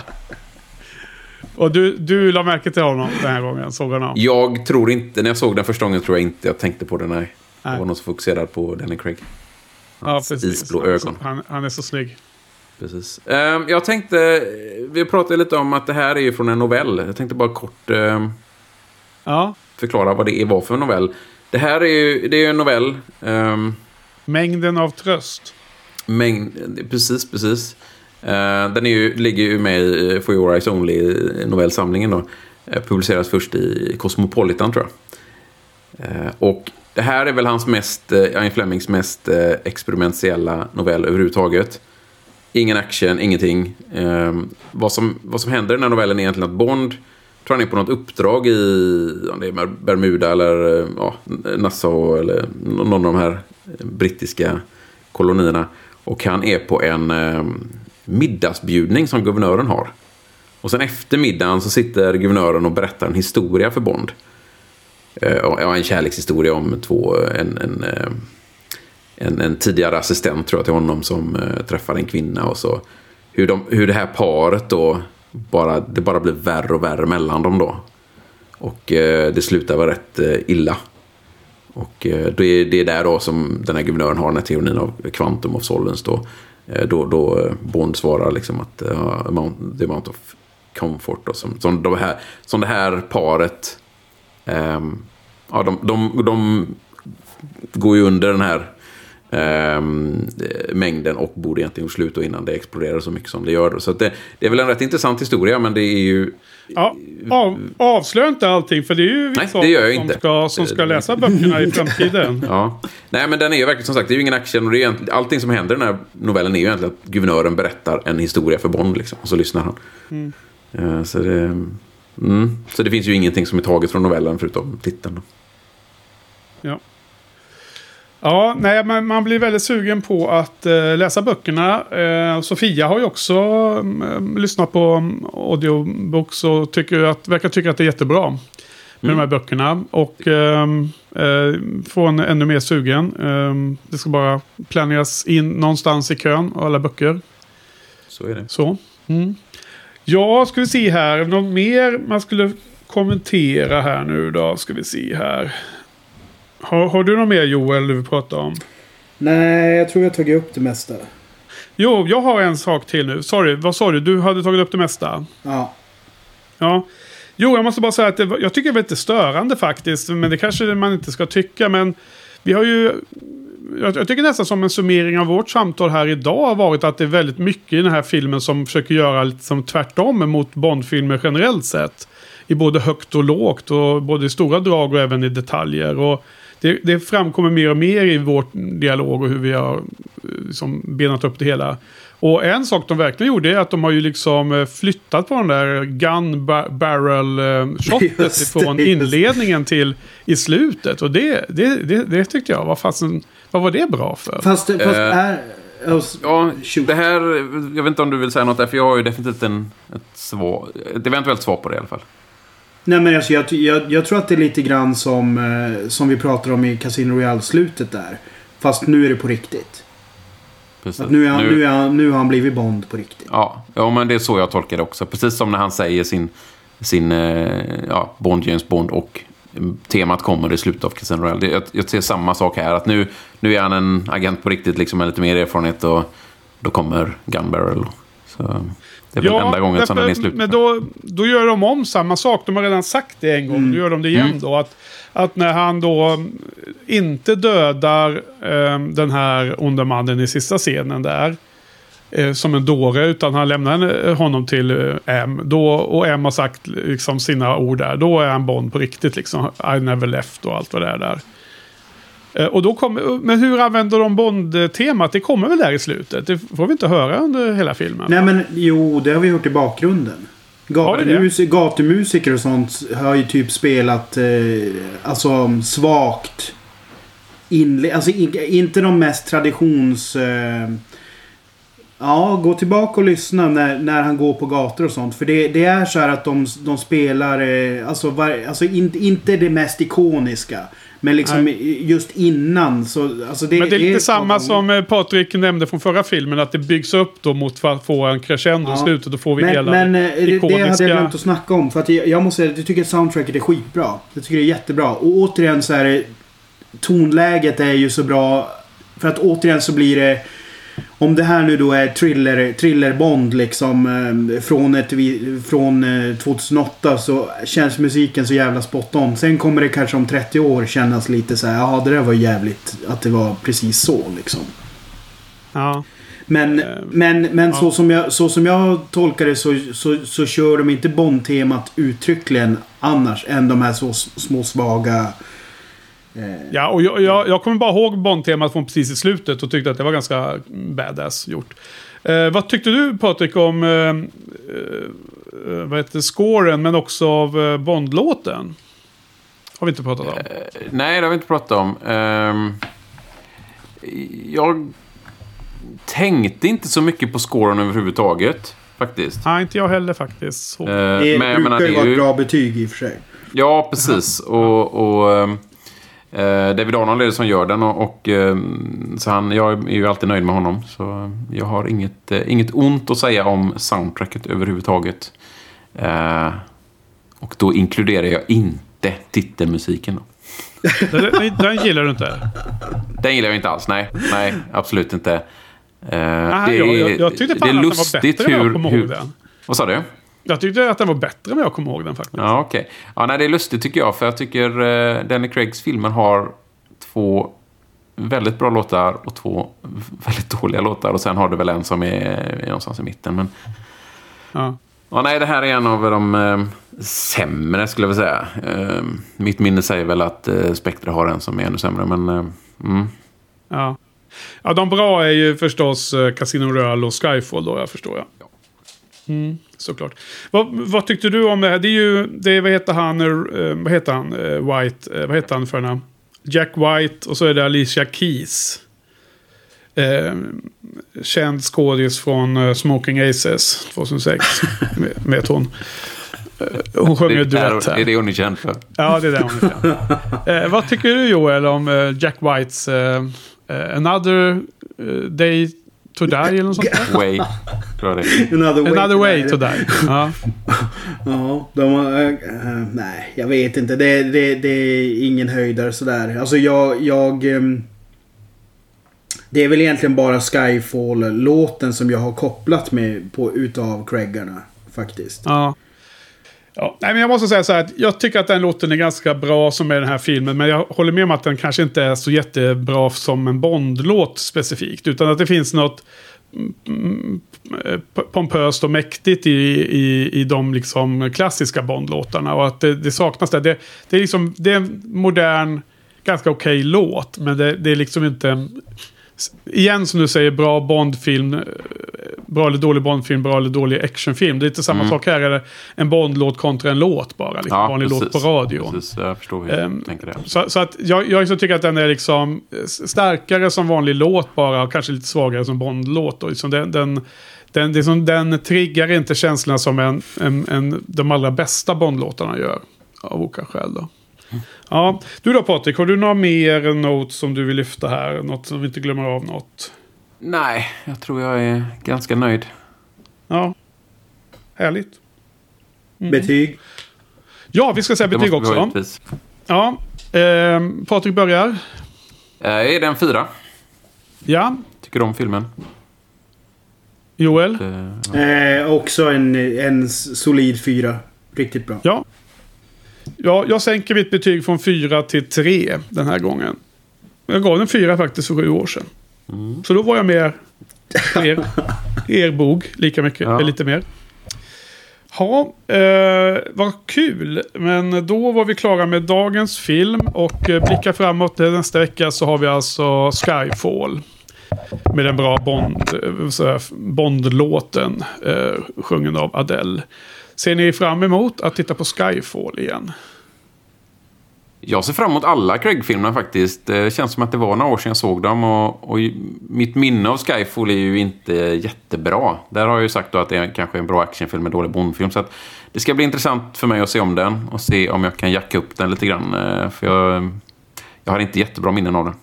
Ja, okej. Spännande. Joel då? Mm, samma här. Det ska bli intressant att se om den. Alltså det, man kollar ju mer skarpögt nu när man eh, vet att man måste podda också. Så att det... Jag tycker ofta att det ger, em, ger bra insikter om filmerna än när man bara slötittar mellan TV4 nyheterna och reklamen som man kanske har gjort tidigare. Just det. Ska du, ska du se den med eh, subtitles nästa gång eller? Jag ska se om jag kan få tag i det. Ja, ja nej, jag, jag har um, alltid hyllat Skyfall, tyckt att den var svinbra. Um, och nu är jag lite förvänt, förväntan är lite att den ska, att den kanske inte upp, att den då har tappat en del. Så att vi får se vad den här mixade förväntningen blir för någon um, bas för att se om den nu då. Det kan gå åt vilket håll som helst känns det för mig. Så därmed är jag ganska spänd och nyfiken på hur det ska bli för mig. Okej då, men då säger vi så på återhörande på- till nästa vecka. Så eh, tack Patrik och tack Joel. Tack Henke. Tack, tack. Tack till publiken och ha en bra dag. Bye bye. Hej. Is he still alive? He is. I'm surprised. Did you find what you were looking for? Yes. Good. I assume you have no regrets. I don't. What about you? Of course not. Would be unprofessional. They found Green dead in the middle of the Bolivian desert, of all places. Two bullets in the back of his skull. They found motor oil in his stomach. Does that mean anything to you? Wish I could help. You'll be glad to know I straightened things out with the Americans. Your friend Leiter's been promoted. He replaced Bean. Well, then the right people kept their jobs. Something like that. Congratulations, you were right. About what? About Vesper. Ma'am, Bond? I need you back. I never left.